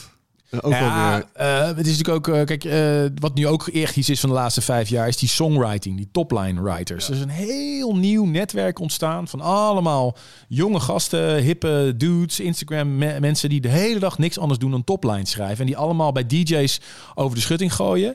En dan wachten ze gewoon tot ze vijf versies terugkrijgen en dan kiezen, kiezen ze de vetste. Ja, ik vind dat niet meer heel veel met creativiteit of dat is gewoon, dat is gewoon business geworden. En Ehm, tuurlijk, ik doe daar zelf ook aan mee. Want als ik een vette topline krijg, dan wil ik ook een beat eronder zetten en mijn naam erop plakken. Want dat, eh, ja, dat de schoorsteen moet roken. Maar ergens wringt dat met natuurlijk het kleine jongetje die gewoon eh, helemaal staat te Ja, spezen. Maar hoe hard moet die schoorsteen nog roken? bij niet- die, niet staat toch helemaal in de brand? Nee, ja. Je hebt twee schoorstenen, hoorde ik. Kijk, inmiddels 16 schoorstenen. Nee, ja, dat is, daar heb je helemaal gelijk in. Dus wat dat betreft kan ik dat ook wel meer loslaten. En eh, die bla bla bla was, was misschien ook wel die, die grote middelvinger daar, daar naartoe. Van fuck it, ik ga gewoon iets heel anders doen. En juist die dingen. Maar dat dan wordt het ja. toch weer een hit. Toch nog een schoorsteentje Ja, erbij. Sorry. Ja. Want aan de ene kant, je zegt wat dat betreft fuck it. Maar tegelijkertijd toch ook weer niet. Eh, nou ja, het, het, het bevestigt wel mijn vermoeden dat eh, juist de platen waar je het het minst van verwacht, eh, uiteindelijk altijd de grootste hits worden. Dus ook weer terug naar het gevoel van je moet gewoon doen wat het dichtst bij je ligt. En ik zal heel eerlijk zijn, ik ben natuurlijk, heel, ik ben natuurlijk ergens ook heel jaloers op al die technogasten en dat dat allemaal, dat het allemaal coole dudes zijn en dat ze beatport eh, 10.000 keer verkopen. En dan denk ik, oh, ik wou dat ik zo cool was. Maar ergens slaat het helemaal nergens op, want het is niet wie ik ben. En ik heb denk ik wel de afgelopen jaren gewoon echt omhelst wie Armin van Buren is. Het is niet... Weet je, ik ben geen Carl Cox. Ik ben geen Sasha. Of ik, dat ben ik niet. Ik heb een andere... Ik heb een ander pad te bewandelen dan al die andere DJ's die, eh, die succesvol zijn. En ik, ik, ik heb ook dat, dat hele zure, wat ik ook wel gehad heb, helemaal losgelaten. Ik heb laatst eh Vangelis mogen ontmoeten. De grote held. Mm. Wat echt voor mij... Nou, dat, ik kon niet meer ademen toen ik die man zag. Ik vind dat zo'n held. Vangelis heeft zoveel voor mij betekend. Ook want, hè, mijn vader en ik. Dat is echt het kruispunt tussen mijn vader en mij. Maar ik ken al zijn albums van binnen en van buiten. En die man heeft een oeuvre. Helaas is hij dus vorig jaar overleden. Maar ik heb hem dus nog mogen ontmoeten. Maar wat me het meest is bijgebleven, en dat was heel verdrietig eigenlijk, was dat die man ergens heel zuur was. Heel zuur op de muziekindustrie. En hij gaf af. Die goede man was 80, weet je wel. Alles bereikt. Ik stond was in zijn kantoor. Hij had een Emmy en een Grammy. En een, weet ik veel, alle prijzen stonden daar. En hij was zuur. En dan Ja. dacht ik van, weet je wel, dat wil ik niet worden. Ja, dat is, het blijft een groot gevaar. Ergens dat, die, die, die, dat imposter syndroom of die zelfafwijzing, dat is een gigantische drijfveer om te blijven maken. Maar tegelijkertijd eh, zit daar ook een, een, een leegte in. Ja, zeker. Ja. En is dat, eh, Nou ja, om, omhels gewoon, leer gewoon jezelf omhelzen. En leer Ja. dus ook eh, ja, de lelijkheid daarvan misschien dan maar te omhelzen. Wees in ieder geval eerlijk, want ik geloof wel dat mensen zijn veel slimmer dan jij alleen. mm, Mensen hebben gelijk door of iets authentiek is of niet. Ik ben al lang opgehouden met wat dat betreft eh, iets proberen te zijn. dat je niet bent. Ja. Nee, en eh, nee, als ik iets op het podium sta te doen, dan weet ik wel dat het recht uit mijn hart komt. En dat is het fijne als DJ. Kijk, ik heb niet zoveel invloed meer op de visuals en zo, want dat doet mijn team. En ik, eh, Niet meer je Ben Liebrand eh, logo's? Nee, nee, nee, nee. Misschien moet je meer keer vragen, In toch? de Ziggo dan toch weer met die DVD. Jongens, ik heb zelf eh Oh, ik zou het iets, zo weer doen hoor. Ik zou het zo weer doen. Nee, maar wel, toen ik in Our House, toen voelde ik weer gewoon met één stroboscoop, voelde ik weer gewoon hoe vet ook dat eh, was. Dat zal ik nooit vergeten, want die jongen zit hier nog steeds. Alleen, eh, ja, het spelletje wordt heel anders gespeeld. Ik ga nu eh, met, eh, met zes mensen die mijn USB-stick dragen naar Australië op een paar dagen. Dat is bizar, toch? Ja, ja, Het is, een heel, het is een heel ding geworden. Het is Ja, want, helemaal... maar, wa- want leg dat eens uit. Zes mensen gaan er met je mee. En wat, wat, is dan, de- wat zijn de functies dan? Tourmanager? Ehm, tourmanager. eh, en die heeft ook echt een stikdrager. Nou, stikdrager 1, stikdrager 2. Nee, eh, ik heb een tourmanager, die gaat altijd mee. Eh, dat is ook echt wel nodig. eh, want die om te zorgen, transport en zo, al dat soort gezeik. En interviews. En eh, ik doe ook heel veel dingen met fans en zo, lokaal. Dus dat moet allemaal gerecht worden. Interviews kan je, je hebt nu bakkie bakkie gedaan, dus in Kan je helemaal mee stoppen? Eh, ja, precies. Eh, dan heb ik eh, altijd een, vi- een visual jongen, eh, special effects jongen, licht, eh, lichtman, geluidsman. Eh, even kijken. En wat, vergeet ik nou iemand? Gewoon iemand extra voor En iemand erbij. extra, ja. Altijd, altijd een groepie. Altijd iemand die gewoon heet, hey Armin. Nou ja, mijn- vrouw. Oh nee, social media natuurlijk. Zo, heel ja. belangrijk. Dat is tegenwoordig. Misschien had ik die als eerste moeten noemen. Nee, Nee, ik heb misschien altijd. dat je je vrouw als eerste moet niet. Ja, precies. ik zal maar niet deze podcast aan haar laten horen. Nee, maar eh, social media. Ja, Ja. Daar, daar kom je helaas niet onderuit. Ik, ook ik moet eh eraan geloven. Dus ik heb altijd iemand bij me die loopt te filmen. eh, Mm. en eh, die... hey man, it's so great here. So, fantastic. I love this crowd. Ja. En je vrouw gaat die nog vaak mee naar? Hoe- Wel weer vaker, ja. Ja? Mijn kinderen zijn wat ouder en ze gaat straks ook weer mee naar Brazilië, naar Miami. Dat vind ik echt ontzettend fijn. Ik ben ook veel rustiger als zij erbij is. vind ik wel echt heel fijn. Ki- Kiezen dan een soort, de- overleg je het hele schema en dan Ja. kiezen de, de, de plekken waar ze zelf echt naartoe wil? Of Nou, geef je juist aan, die plekken zou ik graag hebben? Nou, er zijn wel boekingen die belangrijker zijn natuurlijk. Kijk, zo'n Ultra in Miami, dat is natuurlijk wel een dingetje. Tomorrowland is wel een dingetje, daar wil ze altijd wel bij zijn. En er zijn ook wel een paar boekingen die ik gewoon... eh, ik vind het gewoon altijd heel fijn als ze erbij is. Want ja, als ik heel eerlijk ben, als ik... eh, weet je, ga nu ook naar Australië. Ja, dat is echt bizar om dit te vertellen, maar daar ben ik 48 uur. De rest zit ik gewoon in een vliegtuig. Eh, daar heb ik dan wel tegen ja tegen gezegd. Die gaat ook wel even pijn doen, maar... Ik vind het niet leuk om in Australië te zijn zonder haar. Dus dan ga ik liever kies ik ervoor om gewoon dan en op Nederlands tijd te blijven. En dan ga ik in en eruit. Ja, ik ga niet in mijn eentje in Sydney lopen. Ja, Nee. we hebben dan wel bijvoorbeeld, ik was net in Japan, dat was super vet. En eh Sander, mijn tourmanager, kende dan toevallig iemand waardoor we konden gaan skiën in Japan. Ja, dat soort dingen wil ik wel veel vaker gaan doen. Om ook echt wat meer te genieten van de plekken waar ik ben. Want als ik heel eerlijk ben, Alleen maar de vliegvelden. alleen maar vliegvelden. Ja, daar word je op een gegeven moment echt letterlijk knettergek van. Ja. Ja. En de wereld wordt er ook niet per se een betere plek van.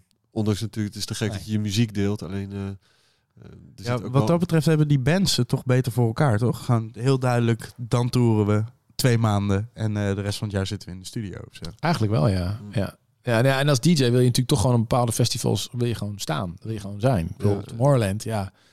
Die gasten hebben het zo goed voor elkaar. Het is echt ongelooflijk. Elke keer weer. Ze blazen je elke keer weer weg. Omdat je denkt, nou, hebben ze dit nou ook nog geregeld? Het is echt zo, zoals? Gaat het dan om... Ja, ze om bijna bakkie bakkie op het festival.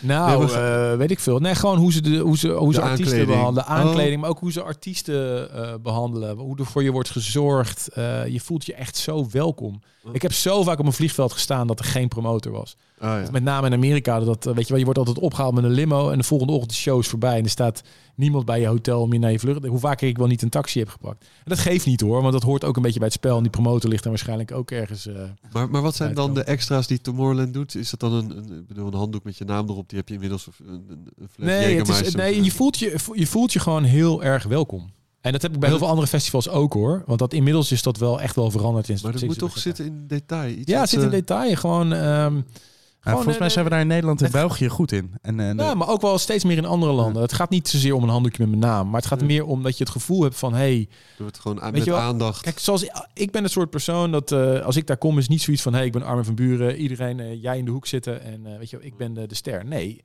ik kom daar in principe voor hetzelfde als wat die festivalorganisator wil, namelijk gewoon die mensen een te gekke avond geven. Die hebben allemaal een kaartje betaald, die hebben knetterhard gewerkt de hele week. Die willen nu gewoon los vanavond.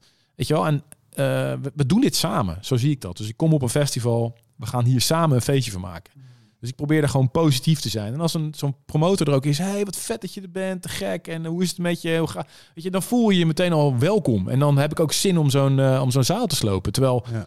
ja, als een promotor niet echt in je geïnteresseerd is en weet je wel, de betaling is niet binnen en het is allemaal gezeik, dan denk ik ook van ja, ik heb hier ook eigenlijk helemaal geen zin in. Weet je, dan geef ik, ook, geef ik ook gewoon minder van mezelf, omdat je dan ook minder gemotiveerd bent om Ja. daar een feest van te Maar maken. dit werkt natuurlijk ook andersom. Er zijn ook een hoop artiesten die, waarbij zo'n pro- promotor wel zijn best doet, die ook denkt van... joh, Ja, dat is met name al heel veel Amerika. Ik zal geen naam Ja. noemen, maar ja, je hoort natuurlijk links, rechts al die, die en ook oh man, wat een air sommige artiesten nou ook Ja. naar mij toe hebben al.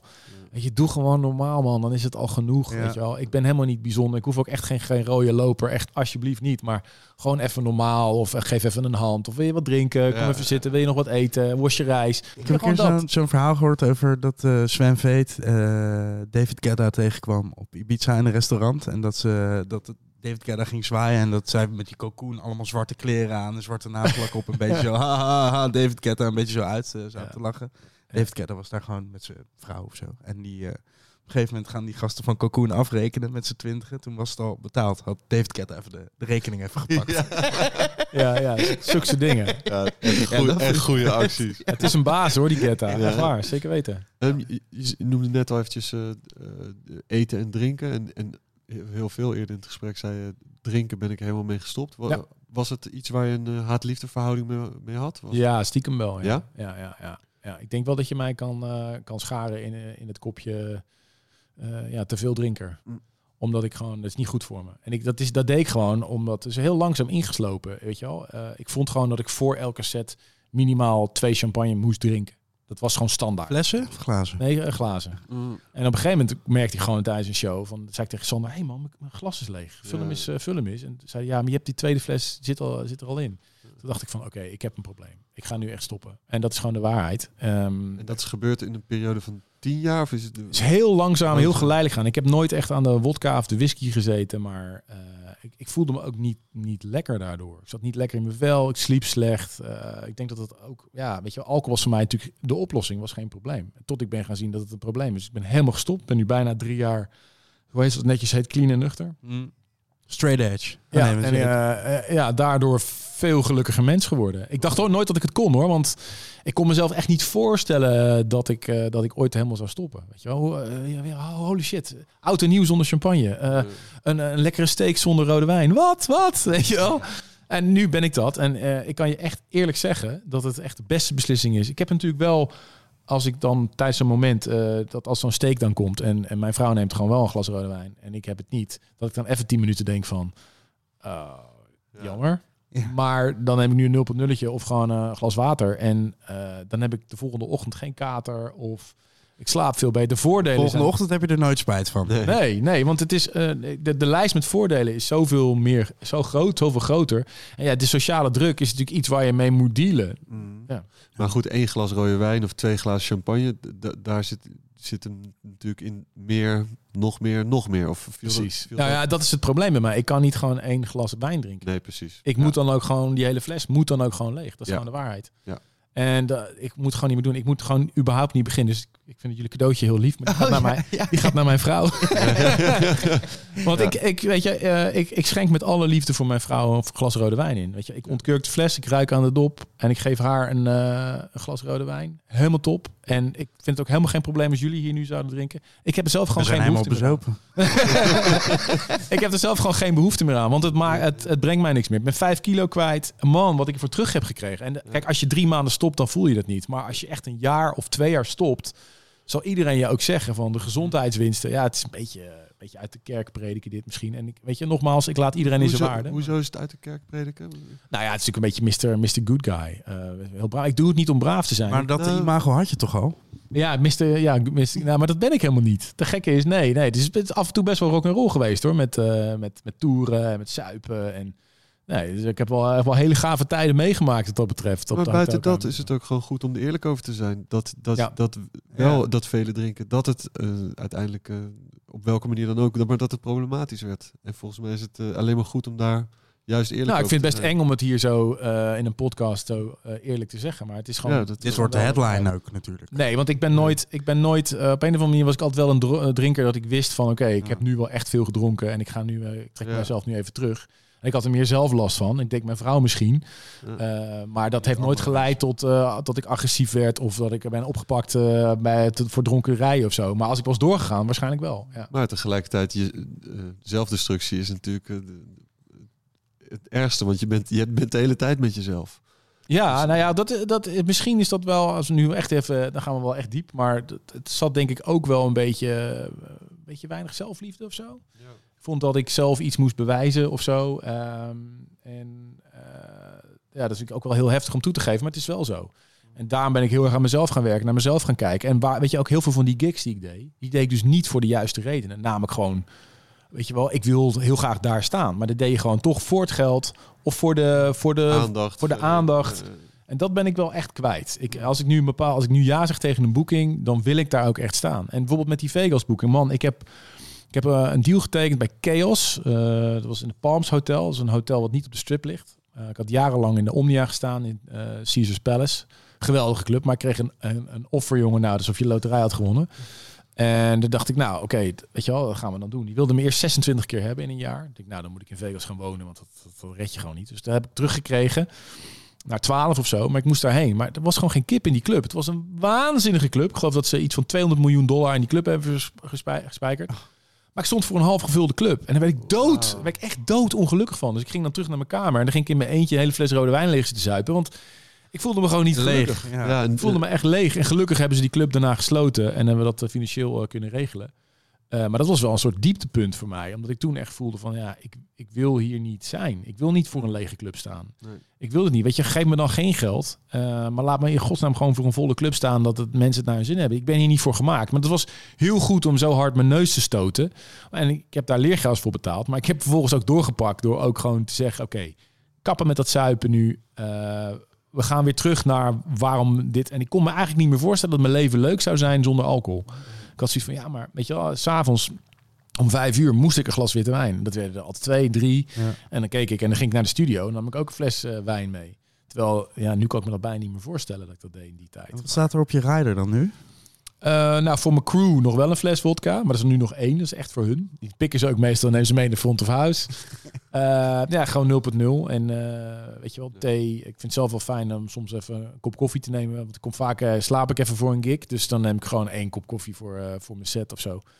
En dan wat fruit. Ja, en... uh, ja, dus... Geen spannende dingen. Lokaal gras. Uh, nee. 14 paar witte sokken. En, en nu nee. we het er toch over hebben, hoe drink je je koffie? gewoon zwart. Ja. ja, ja. Maar ook niet weer te veel koffie. Want als, Nee, ja, als ik meer, ja. meer dan drie koffie heb, dan ga ik shaken. Ik weet niet of je dat kent. Ja, Ja, natuurlijk. Dat, Ja, dat vind ik het lekkerst. vind ik Het is ook gewoon drugs, hè? Ja, Ja, ja. Koffie is ook gewoon drugs. Heel ja. heftig. En als er iemand uh, bij thuis komt eten en je wil echt een beetje indruk op diegene maken, dan, Ja. wat, wat maak je dan? Wat, wat kook je voor diegene? Uh, ja, ik heb een hobby. Ik ben uh, ja, zelf wel heel erg fan van uh, Green Egg, Kamado-style barbecuen, buiten. En dan niet vlees, hè? Maar gewoon, ik veel, salades. Of, jawel, ik eet wel vlees. Maar ehm, bijvoorbeeld vis op de barbecue, op de Green Egg, vind ik echt te gek. En eh, ik heb een O4, weet je wel, zo'n Mm. zo'n zo'n ring, een barbecue met een ring eromheen. Ja, ja. heel gaaf om daar gegrilde groenten op te maken. Of soep of dat soort dingen. Dus in de covid-tijd ben ik een andere hobby begonnen. Namelijk gewoon, dat weten mensen die mij op Instagram volgen wel. Eh, ja, heel veel... eh, Maar stuur je dat dan door naar je social team? Dat je ja. aan het barbecuen bent? Ja. Ja, er staat zelfs een vlog online volgens mij dat ik met, eh, met al mijn vrienden een week naar Zweden ben gegaan. Op zo'n eh, kookcursus. Dat was een van de leukste dingen die ik ooit gedaan heb. Dan krijg je een heel hert. Dat hebben ze dan net geschoten. En dan is dus de kunst om niet... Weet je wel, dat, dat is natuurlijk best wel heftig. Dat zo'n hert wordt vermoord als het ware. Eh, maar dan is het voor ons, om ons, we hebben dan echt geleerd om dat hele hert te verwerken. Dus om alles te gebruiken, om het als het ware een soort van, nou ja, milieu, als je dat dan toch doet, Je hebt ook zo'n eh, bodywarmertje aan vandaag. je Nee, meditatie ik, vind het, ik bodywarmer. vind het nog steeds heel heftig als je Ja. zo'n beest ziet liggen. Dat, eh, Ja, ik weet nog niet of ik dat nog een keer eh, wil doen, maar dat was wel, eh, wel heel goed om een keer gedaan te hebben of zo. Ik ben wel sindsdien ook veel meer vegetarisch gaan eten, want het is gewoon niet oké. Is gewoon niet oké.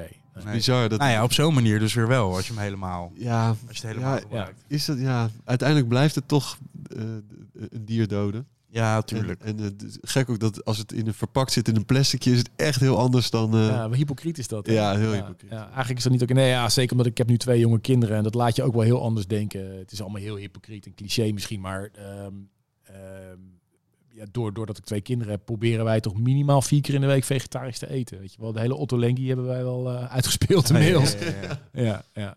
En ik voel me daardoor ook weer beter. Ja, het is ook een beetje cliché, maar dat, dat door gewoon vegetarisch te eten, meer te sporten, minder te zuipen, hoef je echt niet elke week een marathon te lopen. Maar dan voel je je zoveel fijner, man. Ja. Nou ja, cliché, maar tegelijkertijd is ook best wel dat wat je in je stopt. Het gaat ook over zelfliefde natuurlijk. Zeker, ja, goed voor jezelf zo. Nou, daar begint het gewoon eigenlijk mee, weet je wel. Eh, eh, dat is dus wat ik met mediteren begin. Van als ik dan eh, door dat mediteren bijvoorbeeld ook veel, veel minder. Kijk, thuis bij mijn vrouw. Kijk, nu ik ken jullie niet zo goed, dus dan ben je nooit 100% jezelf. Je hebt altijd een soort masker op. Dat hebben we allemaal. Dat is normaal, denk ik. Maar als ik bij mijn vrouw ben, dan ben ik veel eerder boos of laat ik veel meer. Omdat bij haar voel ik me op mijn gemak, snap je? Mm. Maar zij was dan dus ook altijd degene die de meeste shit over zich heen kreeg. Als ik weer een jetlag had of eh, weet je wel. En ik, zo wil ik helemaal niet zijn voor haar. Dat verdient zij helemaal niet. En mijn kinderen ook niet. Dus ik wil, eh, zo wil ik niet zijn. Dus ik heb heel erg nagedacht over wat voor persoon zou ik eigenlijk willen zijn voor de mensen die het meeste voor me betekenen om me heen. En daar ben ik, probeer ik echt anders mee om te gaan. Dus als ik een boze bij opvoel komen of zo, mag die er wel zijn. Maar dan hou ik hem even intern, zeg maar. Voortaan kan je ons bellen dan. Ja. En hoe zie je de toekomst nu? Ehm, ja, toch wat eh, reflection is wel een mooi woord daarvoor. Ehm, dat is dus het thema van de nieuwe State of Trance. Eh, terug meer, toch weer dat jongetje zoeken waar jij ook aan refereerde aan het begin van de podcast. Ehm, ik denk dat ik heel erg naar dat jongetje moet luisteren. Want die zit er nog steeds. Die zit hier gewoon. Ehm, en niet, niet om, om vals authentiek te willen zijn of zo, maar gewoon, ik wil gewoon iets doen wat ik zelf leuk vind. Ik merk gewoon dat ik daar het meeste energie van krijg. Als iets puur gewoon voelt, nou, dit voelt goed, dit vind ik gaaf om te doen, dit vind ik leuk, dit is authentiek. En het, het kan me niet meer zoveel schelen of, of dan... eh, of ik dan credible ben of niet credible of commercieel of juist Ja. niet. Eh, weet je, als ik het gaaf vind en het, het, eh, het komt rechtstreeks uit mijn hart, dan hoop ik dat andere mensen dat ook leuk vinden. En godzijdank heb ik nu gewoon een fanbase, weet je wel. En dat is echt een soort luxe. En dat realiseer ik me nu ook. Want ik realiseer me nu dat door al die jaren te toeren, door twintig jaar lang al al die clubs te hebben gezien, al die festivals, al die mensen die toen naar mijn clubs kwamen en die toen naar die feesten kwamen, dat zijn nu zelf artiesten of CEO's of weet je wel. En die kennen mijn naam nog. En die, ik hoor nu zo vaak van, oh ja, in 2008 man, toen heb je mij betoverd met die set daar en daar. Dan denk ik, jezus, oh ja, daar heb ik ook nog gestaan, weet je wel. Ja. En dat is wel heel gaaf dat je gewoon nu al terug kan kijken op zo'n ehm, eh, ja, carrière waar je zoveel leuke dingen hebt mee mogen maken en mensen blijkbaar in vervoering hebt mogen brengen. Ja. En daar wil ik eigenlijk op, op doorgaan. Gewoon, Maar waar zitten dan de uitdagingen? Want als je eh, en stadions hebt gedaan en eh, vijf keer eh, eh, de populairste DJ Is muziek niet gewoon nog steeds ja, muziek, ja. ja het, het gaat niet meer om... eh, om Voor om- jouw antwoord. Nee, nee, nee. Het We kennen elkaar heel goed. het gaat niet meer zozeer om, om het succes wat je behaalt of zo. Tuurlijk, Nee, maar uitdagingen. Waar- Uitdagingen, wat, ja. wat, wil je, dan- wat wil je dan nog Nou, bereiken eh, als je Gaia- zoveel hebt bereikt? Ja. Gaia is bijvoorbeeld een, echt een ding waar ik... eh, ik zat met Ben ook, zei gisteren nog tegen hem van... We zouden eigenlijk gewoon een, een maand naar Noorwegen moeten gaan, ons opsluiten en daar gewoon... eh, Herten schieten en eh, ja, precies. muziek maken. En muziek maken. Ehm, En waarom, waarom doe je dat dan niet? Waarom is dat? Ja, dat zit ook wel in de pijplijn. Ja, Ja, ja. hoor. En eh, hele on- onverwachte samenwerkingen maken. En ja, songwriting. Ik ben dus nu heel erg veel aan het songwriten. Ook voor anderen. Ehm, steeds meer gewoon, omdat ik dat... Ja, dat triggert mij ook gewoon. Popsongs. Ja, dat is misschien heel... Nou, ik vond Beetje een eh, vies woord, maar- bijzondere samenwerkingen met Renier Zonneveld vond ik ook bijzonder. Het was ook heel bijzonder, Ja, maar we hebben een onwijze klik. Ja, hoe Ja. is dat? Nou, hij heeft op dezelfde school gezeten als, als ik. Eh, en hij heeft ook, eh, hij komt uit Al van der Rijn. Nou, Ja. Ik kom daar vlakbij vandaan ook. We hebben, ja, onze geschiedenis loopt een beetje parallel. Alleen hij is natuurlijk net even de techno-kant op gegaan. Ik ben de trance-kant op gegaan. Maar op een of andere manier we hebben we gewoon een klik. Het is gewoon, ik vind het zo'n geweldig gozer. Hij heeft gewoon, eigenlijk had ik iets meer van zijn, eh zijn scheidmentaliteit moeten hebben. Gewoon uh, karma, weet je wel. En eh, daar heb ik veel bewondering voor. Gewoon, het kan mij boeien wat je zegt. Dit voelt goed. Knallen maar. Weet je, Ja. karma, hoppakee. Wat moet je dan? Weet je wel, dit hele techno zien denk ik ook. Die kijkt krap natuurlijk allemaal op hun achterhoofd. Van holy shit, wat komt die gast hier doen? Met zijn met zijn Armani blouseje. Ja. Zo geweldig. En eh, dat vind ik, daar heb ik alleen maar zwaar, zwaar respect en bewondering voor.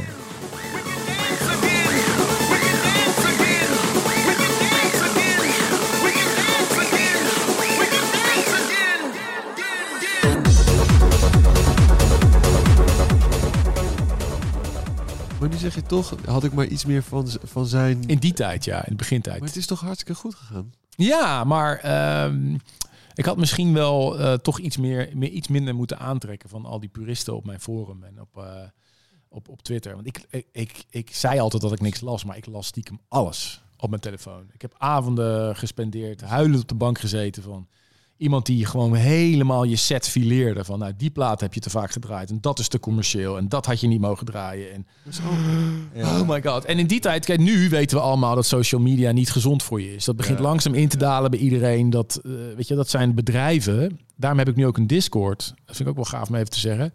Eh, de reden dat ik op overgestapt ben op Discord. Ik zit natuurlijk nog wel op Twitter en Instagram en zo. Maar dat zijn natuurlijk bedrijven die erop gebouwd zijn om die apps zo te maken dat wij. Maar meer. Dat je meer. En ik zie het aan mijn eigen kinderen. Weet je, ik zie nu mijn dochter. Die zit alleen maar. Het is heroïne. Het is Ja, het is, dat is echt zo. En eh, het moet in 15 seconden. En het is echt een nieuwe drugs. ja, het Zeker is weten. serotonine. En als, als, als baby's worden al gewoon... Ja, het is een soort, het is ook gokken. Zo, want het, die, Ja, die feed precies. even naar beneden swipen, dat is hetzelfde wat je, als je zeg maar wacht op die fruitautomaat, als je op het knopje Weet je, als ik op. Instagram iets postte, een foto, maakt niet uit wat, dan checkte ik minstens 20 keer om te kijken hoeveel mensen mijn post al hadden geliked. Ja, Dan zag ik elke keer die, die aantal likes omhoog gaan. Dat was een soort serotonine. Ik was Ja. er echt, echt hoekt aan.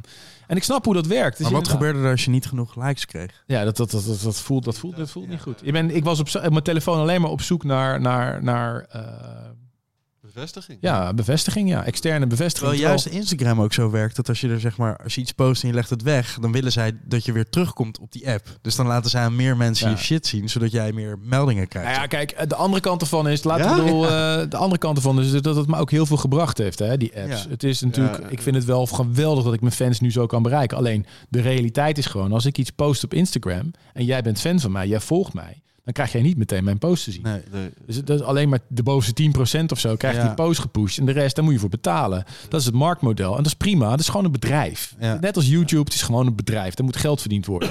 het Discord is weer net als bij IRC-chat, helemaal aan het begin van de Ja. State of Trance. Dat wordt rechtstreeks doorgepaast. Ehm, dus ik ben natuurlijk in die NFT-wereld gedoken. Wat best wel eng is, want het is nu een beetje bezoedeld door de hele crypto En mensen krijgen nog steeds vlekken als je het over NFT's hebt, wat ik wel snap hoor. Maar wij zijn het echt op een hele andere manier gaan embracen. En ik had die community natuurlijk al met de State of Trance. En dus ik, wat er nu gebeurt in mijn Discord-server vind ik echt te gek. Ik heb ook weer helemaal dat gevoel van die IRC-chat in 2001 terug. Gewoon van echte liefhebbers die gewoon... eh, oh ja, sommigen sommige zeggen ook, ja, die laatste plaat van jou vond ik niet zo, maar die vorige vond ik te gek. Weet je wel, het zijn gewoon lieve mensen die gewoon over de muziek kunnen praten, maar die ook weten van de nuance. Op Twitter wordt alleen maar gescholden en ge- Ja, ik, he- ik word er helemaal zagrijnig van, man. Hou op. Dat Nou, Omdat dat schelden, dat, dat krijgt weer de meeste reactie. Ja. Dus het is ook weer vanuit, eigenlijk vanuit jaloezie of vanuit onmacht. Eh, Ik geloof heel erg in de vrijheid van meningsuiting hoor. Maar de andere kant van de vrijheid van meningsuiting is dat ik jouw mening niet hoef te horen. Ja, ja, toch? precies. Ja, ja, Je hoeft niet al die meningen te lezen, toch? Nee, Ja. nee. Ja, het verzandt er zo gauw in. eh, ja, oké, links, ja, rechts. Oké, dag, ruzie. Ja. kwaad, schelden. Ja, maar het is ook wel iets van deze tijd. Vind je Ja. niet? Ik vind nou echt wel in de jaren 80 en 90 gingen we toch anders met elkaar om. Tegenwoordig is het wel echt aan het verharden, vind je niet? Ja. Ook, op- dat komt ook met name door social media, omdat je niet iemand ziet. Kijk, ik zit hier nu met jullie aan één Makkelijk, tafel. ja. Maar als ik, eh, weet je, als ik jou niet zou mogen, dan is het natuurlijk heel makkelijk om Ik op Twitter straks- te zeggen, Ed, oh, ik Ja. ben een lul. Dat gaan we straks ook weer doen, als we weg zijn. je leest het toch Over, niet. Ja. over elkaar. Wij Nee, wij over- deden het over... Over Armin. Nee, ik heb wel, eh, ik vraag wel mijn social team, eh, want het is natuurlijk wel, het is gewoon heel belangrijk. Ik, ik kan niet zonder sociale media. Ik vraag wel mijn team om een soort eh, rapport te maken van, oké, wat vinden ze nou, wat vonden ze nou eigenlijk? En dan krijg je toch wel, als ik dat dan van Ruben hoor of zo, bij mij op kantoor, of van Lisan, die zeggen dan van, nou, die plaat werd niet echt gewaardeerd, of die set vonden ze minder. Maar het is wel lekker. Dus zij zijn eigenlijk die filter daarin. Ja, dan kan ik het wel handelen, want Ja. in elke kritiek zit een kern van waarheid. Ja. Dat is gewoon zo. En eh, daar moet je ook niet voor weglopen. Ja, maar het is smaak, toch? Dus wat, als ze een plaat niet goed vinden, dan is dat toch smaak? Nee, maar uiteindelijk ben je natuurlijk als DJ wel, eh, zeker als je een people pleaser bent zoals Ja. ik. eh, kijk, alle DJ's zijn tot op zekere hoogte people pleasers. Want anders ga je alleen maar witte ruis gaan draaien eh, op, je, op je hotelkamer en dan, dan komt niemand kijken. Dus tot op zekere hoogte wil je natuurlijk gewoon aardig gevonden worden. Alleen Ja. de kunst is om je publiek te vinden waar jij happy mee bent. En ehm, En als je, als je nu de studio ingaat, is, is, eh, heb je een bepaalde methodiek? Luister je eerst iets van iemand anders of doe je dat juist helemaal niet? Eh, kijk, nu is het geen glas witte wijn meer in de hand. nee. Eh, is, heb, je een, heb je een bepaalde way, way of working? Heel vaak. Ik heb eigenlijk drie manieren. De eerste is gewoon het, het klungelen met, met plugins. Ik ben wat dat betreft echt een nerd. Ik zit gewoon op al die sites en KVR en zo. Dus dat is gewoon de trial by error. Gewoon, Ja, je hebt, eh, ja, heb ik weer een podcast geluisterd van John Hopkins, eh, bijvoorbeeld. Eh, Tape Notes. Van, geweldige podcast. En die vertelt dan weer over een eh, Expert Sleepers. Dat is dan weer een of andere, een of andere nerden eh, site uit Londen. Die dan weer een of andere moeilijke plugin maken. Wat je één frequentie uit een pad kan halen. Die Brian Eno ook gebruikt. Nou, dan moet ik hem ook hebben. Ja. Brian Eno gebruikt hem. Dus dan ga ik die plugin kopen. En die kost dan maar 30 dollar. Dus dan zit ik daar de hele avond mee te nerden. Want dan kan je allemaal G's uit een bepaalde ambient pad halen. Vind ik dan te gek. Dus dat is heel vaak een startpunt. Gewoon, eh, godzijdank kan je nu op je laptop produceren. Dus dat vind ik echt geniaal. Ik heb mijn hele studio altijd bij me. Ja, ik heb al mijn plugins gewoon op één laptop nu. Vind ik ook bizar dat dat kan. ja, dat is... eh, Eh, maar ik heb gewoon mijn, mijn hele studio en al mijn muziek heb ik gewoon. Ik heb zo'n dikke Apple gekocht. Twee keer ook. Zodat als hij crasht, dan heb ik er gewoon nog één. Eh, Allebei bij je de hele tijd? nee, nee, als ze in het één water ligt in de vallen, dat ze kluis. allebei... Eén ligt in de kluis en de ander gaat mee. Eh, dus dat is één ding. Tweede is pianoles. Ik ben weer begonnen met pianoles. Geweldig. Ik heb een pianoleraar, jongen. De Geronimo. Echt, eh, daar heb ik zoveel lol mee. Ik heb niet klassiek pianoles in de zin van noten lezen. En eh, dat heb ik wel een tijdje gedaan. Dus ik, ik kan nu wel een klein beetje noten lezen. Maar meer, we zijn samen muziek aan het maken. Echt gewoon, gewoon vanuit akkoorden. En dan laat houden, dan kun je deze kant op. En ik begrijp eindelijk na twintig jaar... wat de fuck ik eigenlijk al die jaren gedaan heb. Ik zal nooit, eh, ik zal nooit een, eh, een virtuoos pianist worden. Daar hoef je niet bang voor te ik zijn. begrijp eindelijk na twintig jaar wat de fuck ik allemaal gedaan heb. Ja. Goeie quote hoor. dit. Ja. ja, omdat je nu snap je de, de muzikale Ja, theorie erachter, die akkoren. Dus dat is heel vet. En het derde is vaak gewoon toch eh, ja, het resultaat van, van schrijfsessies. Oh dus ik doe heel veel schrijven. Hier in het kantoor bij Armada hebben we laatst weer zo'n writing camp gedaan. Ik heb één writing camp in Zweden gedaan. Dat was echt bizar. Dat is dus echt weer een nieuw, nieuw fenomeen. Je huurt een hele studio af en je vliegt er heel veel mensen naartoe. Allemaal zangers, zangeressen, producers, topliners. En ik heb zeven studio's tegelijk. I kid you not. Zeven studio's tegelijk. En dan lopen ik en Benno lopen rond. En dan heb ik natuurlijk al een hoop dingen voorbereid. Dus we hebben dan al eh pianopartijtjes of een arpje met een kick of eh, een baslijn of een klein akkoordenverloopje. Nou, dat gooi je dan over de schutting. En mensen gaan daar gewoon mee aan de slag. En jij loopt van studio naar studio. Dan ga je gewoon, geef je jouw input. En eh, vaak is zo'n creative moment is vaak toch maar een half uurtje of een uurtje. En daar probeer je dan bij te zijn. En dan schrijf je iets.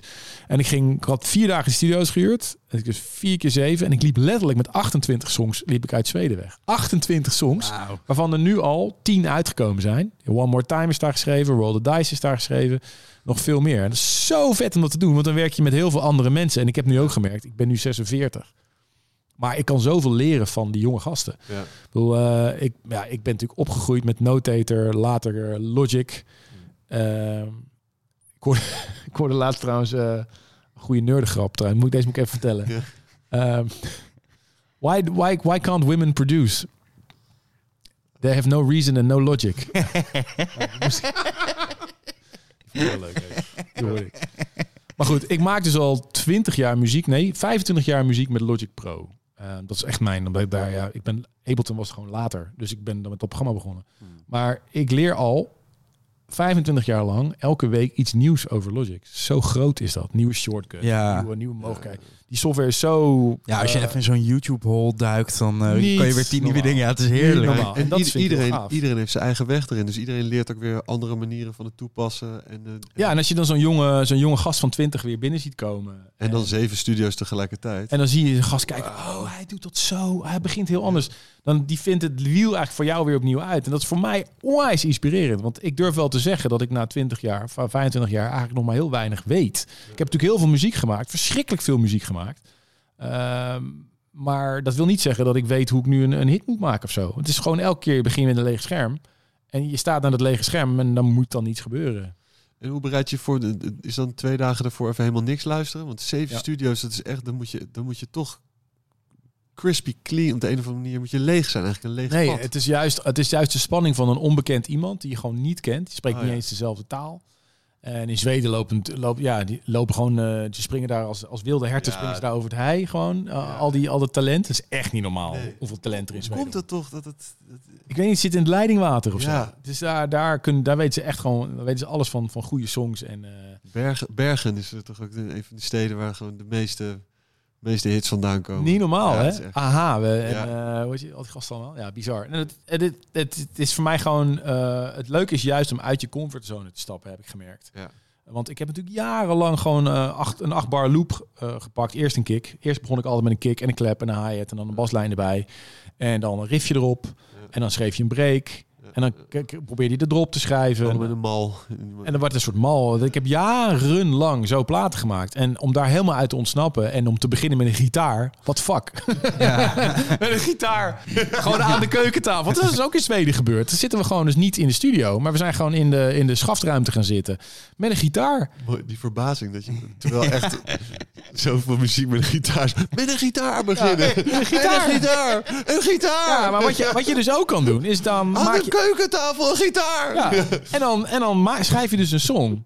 En je gooit daarna die hele gitaar weg. Dan heb je Ja. dus alleen een hele gekke song over. Ja. En wat je dus ook kan doen, is bijvoorbeeld, eh, bij wijze van spreken, als je het echt niet meer weet. eh, je hebt nu van die software. ehm eh, een van die websites is ook eh, mvsep.com volgens mij. Dat is zo'n website waarbij je dus gewoon, ik vind het echt bizar, kan je gewoon de hele vocaal uit een track halen. Ja, ja, maar je kan ja. dus ook het tegenovergestelde doen. Je kan een hit pakken, en dan haal je de vocaal uit. Kan je gewoon eruit halen. Dan heb je Ja. een instrumental. Ja, Dan kan je een nieuwe song opschrijven. gebruik dit best wel veel. Dat is Alleen dan moet je natuurlijk wel oppassen dat je niet, eh, dat je niet de akkoordenstructuur één op één jat. Ja. Want Dat, daar moet je heel voorzichtig mee zijn. Want alles is natuurlijk wel auteursrechtelijk beschermd. Ja. Dus dat zeg ik gelijk even bij. Maar eh, als je het echt even niet meer weet, kun je natuurlijk altijd gewoon kijken of je daar inspiratie uit kan halen. Ja. Ja. En eh, ja, zo. Ja, ehm, ik zag een video van eh, David Guetta die dan via AI eerst een soort van eh, had hij eh, eh, een verse laten schrijven zoals Eminem zou schrijven. En toen had hij daarna een andere AI gevonden die het als Eminem kon rappen. En die kwam gewoon met een Eminem vocal op een, op een track. En Eminem was helemaal nergens in die studio geweest. Ja, dat ja, is ja, wel, maar dat is dat dat dat, dat daar- is de toekomst. Ja, je kan gewoon nu een nieuwe Tupac track maken. Wel scary. Ja. Ja, dat gaat, dat gaat zo. Ja. Maak een trendstrek van alle Armin van Buren, zoals Communication, met een, met een drop van zo lang. Dat Ja. gaat gebeuren. Dat Ja. is, daar zitten we enkele maanden vandaan. Ja, zeker. maar en, hoe voel je daarover? Eh, eh, nou, ik heb er niet zoveel moeite mee. Nee, want dat, was destijds ook. Ik weet niet of jullie nog weten, toen de house net opkwam, toen dachten ze allemaal dat het een tijdelijk fenomeen was. Volgens mij is elke plaat die nu in de top 40 staat, heeft een dance-productie eh, ondergrond. Of in Ja. ieder geval iets met gesequenced dingen. Ja, maar de technologie heeft nu wel echt een stap genomen door, de, door die AI, waarin het, het, het zelfdenkende vermogen kan reageren op iets wat al bestaat. En, en dus de, de computer. Ik vind het alleen maar spannend. Ik, denk, ja. ik denk alleen maar dat het daardoor, eh, dat het daardoor nog. eh, maar ik denk uiteindelijk moet, moet die muziek of, of, of wat dan ook gemaakt wordt door AI, moet door mensen worden gewaardeerd. Ja, precies. En eh, de menselijke maat zal altijd de, eh, zal altijd de graadmeter zijn. Ik denk wel dat AI daar eh dichterbij in de buurt kan komen, maar het zal nooit helemaal 100% eh zo zijn. Dat, daar ben ik wel van overtuigd dat dat, dat dat niet gaat. Maar we kunnen wel een heel eind in de buurt komen. Maar ja, uiteindelijk moet dat toch eh, door, een, eh, door een mens gewaardeerd worden. Ik ben heel benieuwd of, of dat is natuurlijk wel de hamvraag, of, of eh, AI uiteindelijk kunst kan maken die door mensen als dusdanig wordt gewaardeerd. Waarschijnlijk wel, maar dat neemt niet weg dat mensen ook altijd blijven, zelf blijven creëren. Dus het, het, zal toch altijd weer een reactie blijven op een bestaand ding. AI zal niet uit zichzelf iets helemaal nieuws. Het moet altijd reageren op iets, toch? Ja, precies. En het moet ook door mensen ge, gehouden, hoe noem je dat? uiteindelijk ontvangen worden. Want Ja. dat is eigenlijk dezelfde discussie als eh, ja, de Milli Vanilli discussie natuurlijk. Ja. Eh, hoe vaak ik wel niet mensen of andere collega's van mij heb horen afgeven op DJ's die eh, volledig hun set voorbereiden. Die dus echt tot op de seconde weten hoe een set loopt. Die precies weten wanneer ze de microfoon pakken, wat ze zeggen. Die precies weten. Ja, maar die halen daar hun zekerheid uit. Ja, Gewoon. maar ik denk altijd, ja, maar, maar het gaat uiteindelijk toch om of die fans dat leuk vinden. Wie ben Ja. ik om daar wat van te vinden? Dan ben jij alleen maar zuur. En de fans en de artiest zelf. Ja. Ieder- Iedereen heeft zijn eigen weg wat dat betreft. Ja, ik bedoel, eh, weet je wel, er is heel veel haat richting, eh, in de begintijd was heel veel haat richting scooter bijvoorbeeld. Terwijl nu is het helemaal cult. En Ja. is het helemaal cool en is het helemaal te gek. Scooter. Over, Ja. scoot- over scooter gesproken. Ja. eh, jij hebt ook stemmen gedaan voor tekenfilms. Ja, ook nog, ja. ja, ja, ja, ja. Eh, eh, Was het een... Je bent goed geïnformeerd. Je- je De nog- jeugdzonde. kun- kun je- kun je nog een Die stem- andere was beter. Die andere was beter. Oh, ja, maar- Je filmdebuut. Hij speelde zichzelf. Ja, Oh ja, en eh, verliefd op Ibiza, ja. Ja, ja. Oh mijn maar, god. maar weet, weet je nog die stem? dat- hoe die, Nee, dat weet ik hoe niet die- meer. Ik moest een keer een heks spelen volgens mij, maar dat is echt ook wel jaren. Zullen we die even overslaan? ja. Nou ja, het- ik heb altijd wel iets gehad met stemmetjes doen. Mm. Ik heb natuurlijk ehm, eh, ook in de klas gezeten bij Jochem Meijer, de cabaretier. Ah.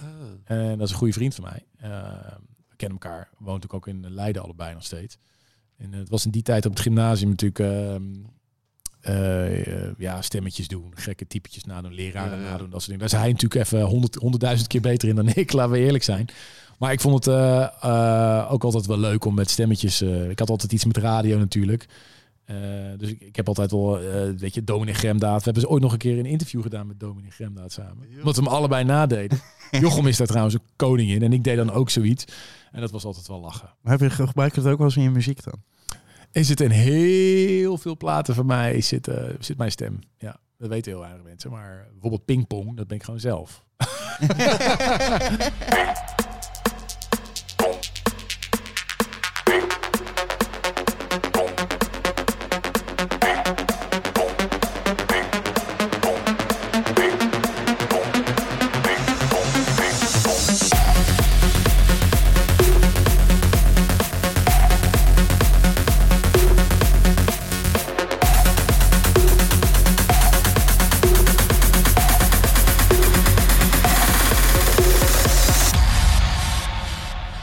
laatst een hele eigen vocale plaat gemaakt. Dat weet helemaal niemand. Soundscape, dat ben ik gewoon zelf. Ik zing gewoon zelf. Echt? Ja, dat is gewoon mijn eigen stem. Let me take you downtown. I'll show you all my secrets. I bet you won't believe it. We won't be going home. Welcome to my soundscape. It's a perfect escape.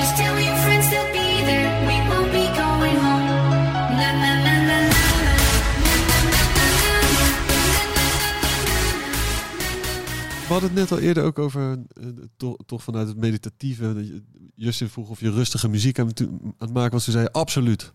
Ja, ik... zweverig. ja, ik ben- Zweverige muziek. Oh ja, sorry. Komt er Nou, een M? nog, nog dichter dan, eh, dan ehm, dansmuziek ligt, ligt ambient bij mij. Ik wou net zeggen, ambient. Komt, komt Ja. er een... Nou ja, ehm, ik ben zelf het meest trots op mijn Gaia Moons of Jupiter album. Ah. Dat is een album wat ik dus met Benno heb gemaakt.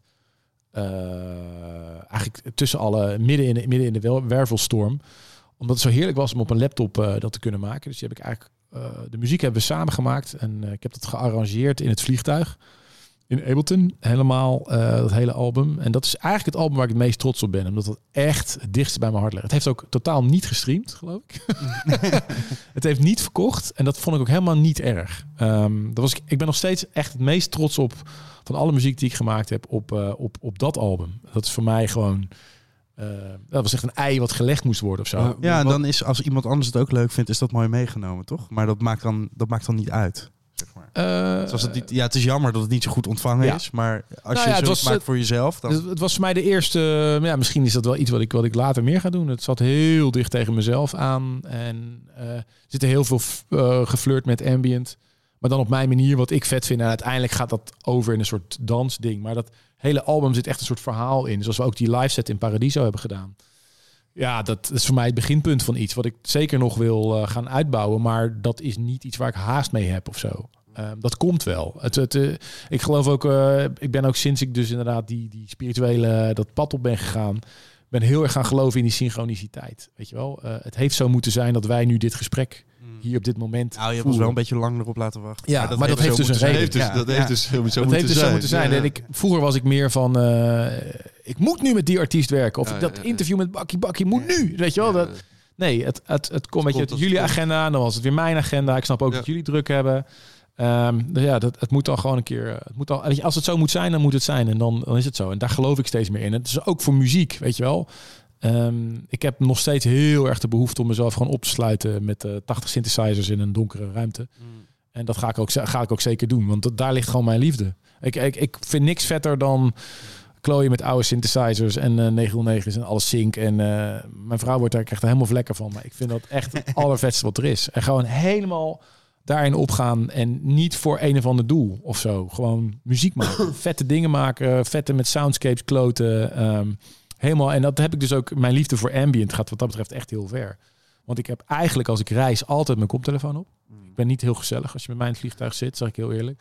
Want ik, eh, ja, ik stel allemaal hele moeilijke ambient lijstjes samen op Spotify. En ik vind er allemaal, dat vind ik zo gaaf, jongen. Dat je tegenwoordig dankzij al die nieuwe streaming portals gewoon de meest obscure muziek kunt vinden. Maar deel je dat ook? Nee, eigenlijk niet. Nee, heb ik ook niet echt de behoefte aan. Want ik denk als je echt in mijn hoofd gaat kijken van wat Armin echt vet vindt, dan dat. Ik wil het wel met jullie delen hoor, als je het leuk vindt. Maar ik heb één ambient playlist waar ik heel kritisch op ben. Eh er zitten staan 50 nummers in of zo. En elke keer haal ik daar weer nummers uit. Dan denk ik, ja, die is wel goed, maar toch net niet goed genoeg. en dan gaat hij er weer uit. En alles wat er overblijft, is ook wel echt iets wat ik, wat ik weer wil luisteren. En wat, waar, waar ik gewoon niet, eh, niet verveeld over raak. Nee. Nou ja, juist ik denk, een rustpunt, ambient is natuurlijk... Het is een soort meditatie. Ja, precies. Ja, ja, ja. Het is voor mij een soort, eh, eigenlijk als, het is het als een, eh, eh, als ik ambient muziek luister, is de wereld om me heen ineens een film. Het is de soundtrack van een film geworden. Ja. Precies. Eh, weet je wel, dat als je in een trein zit of in een vliegtuig, je, je zit boven de wolken en dat geluk heb ik natuurlijk heel vaak. Dan is het alsof je een soort, eh, ja, de soundtrack van een film zit te kijken. Noem, noem je, je meest favoriete nummer uit, het, eh, uit, uit, je, uit je lijstje. Shattered Roses from City Lies. We gaan er naar luisteren en beseffen dat het vandaag zo heeft moeten zijn. Ja. Dat we hier waren. Ja, Ja, Thanks man. ja graag gedaan jongens, was leuk. echt gek.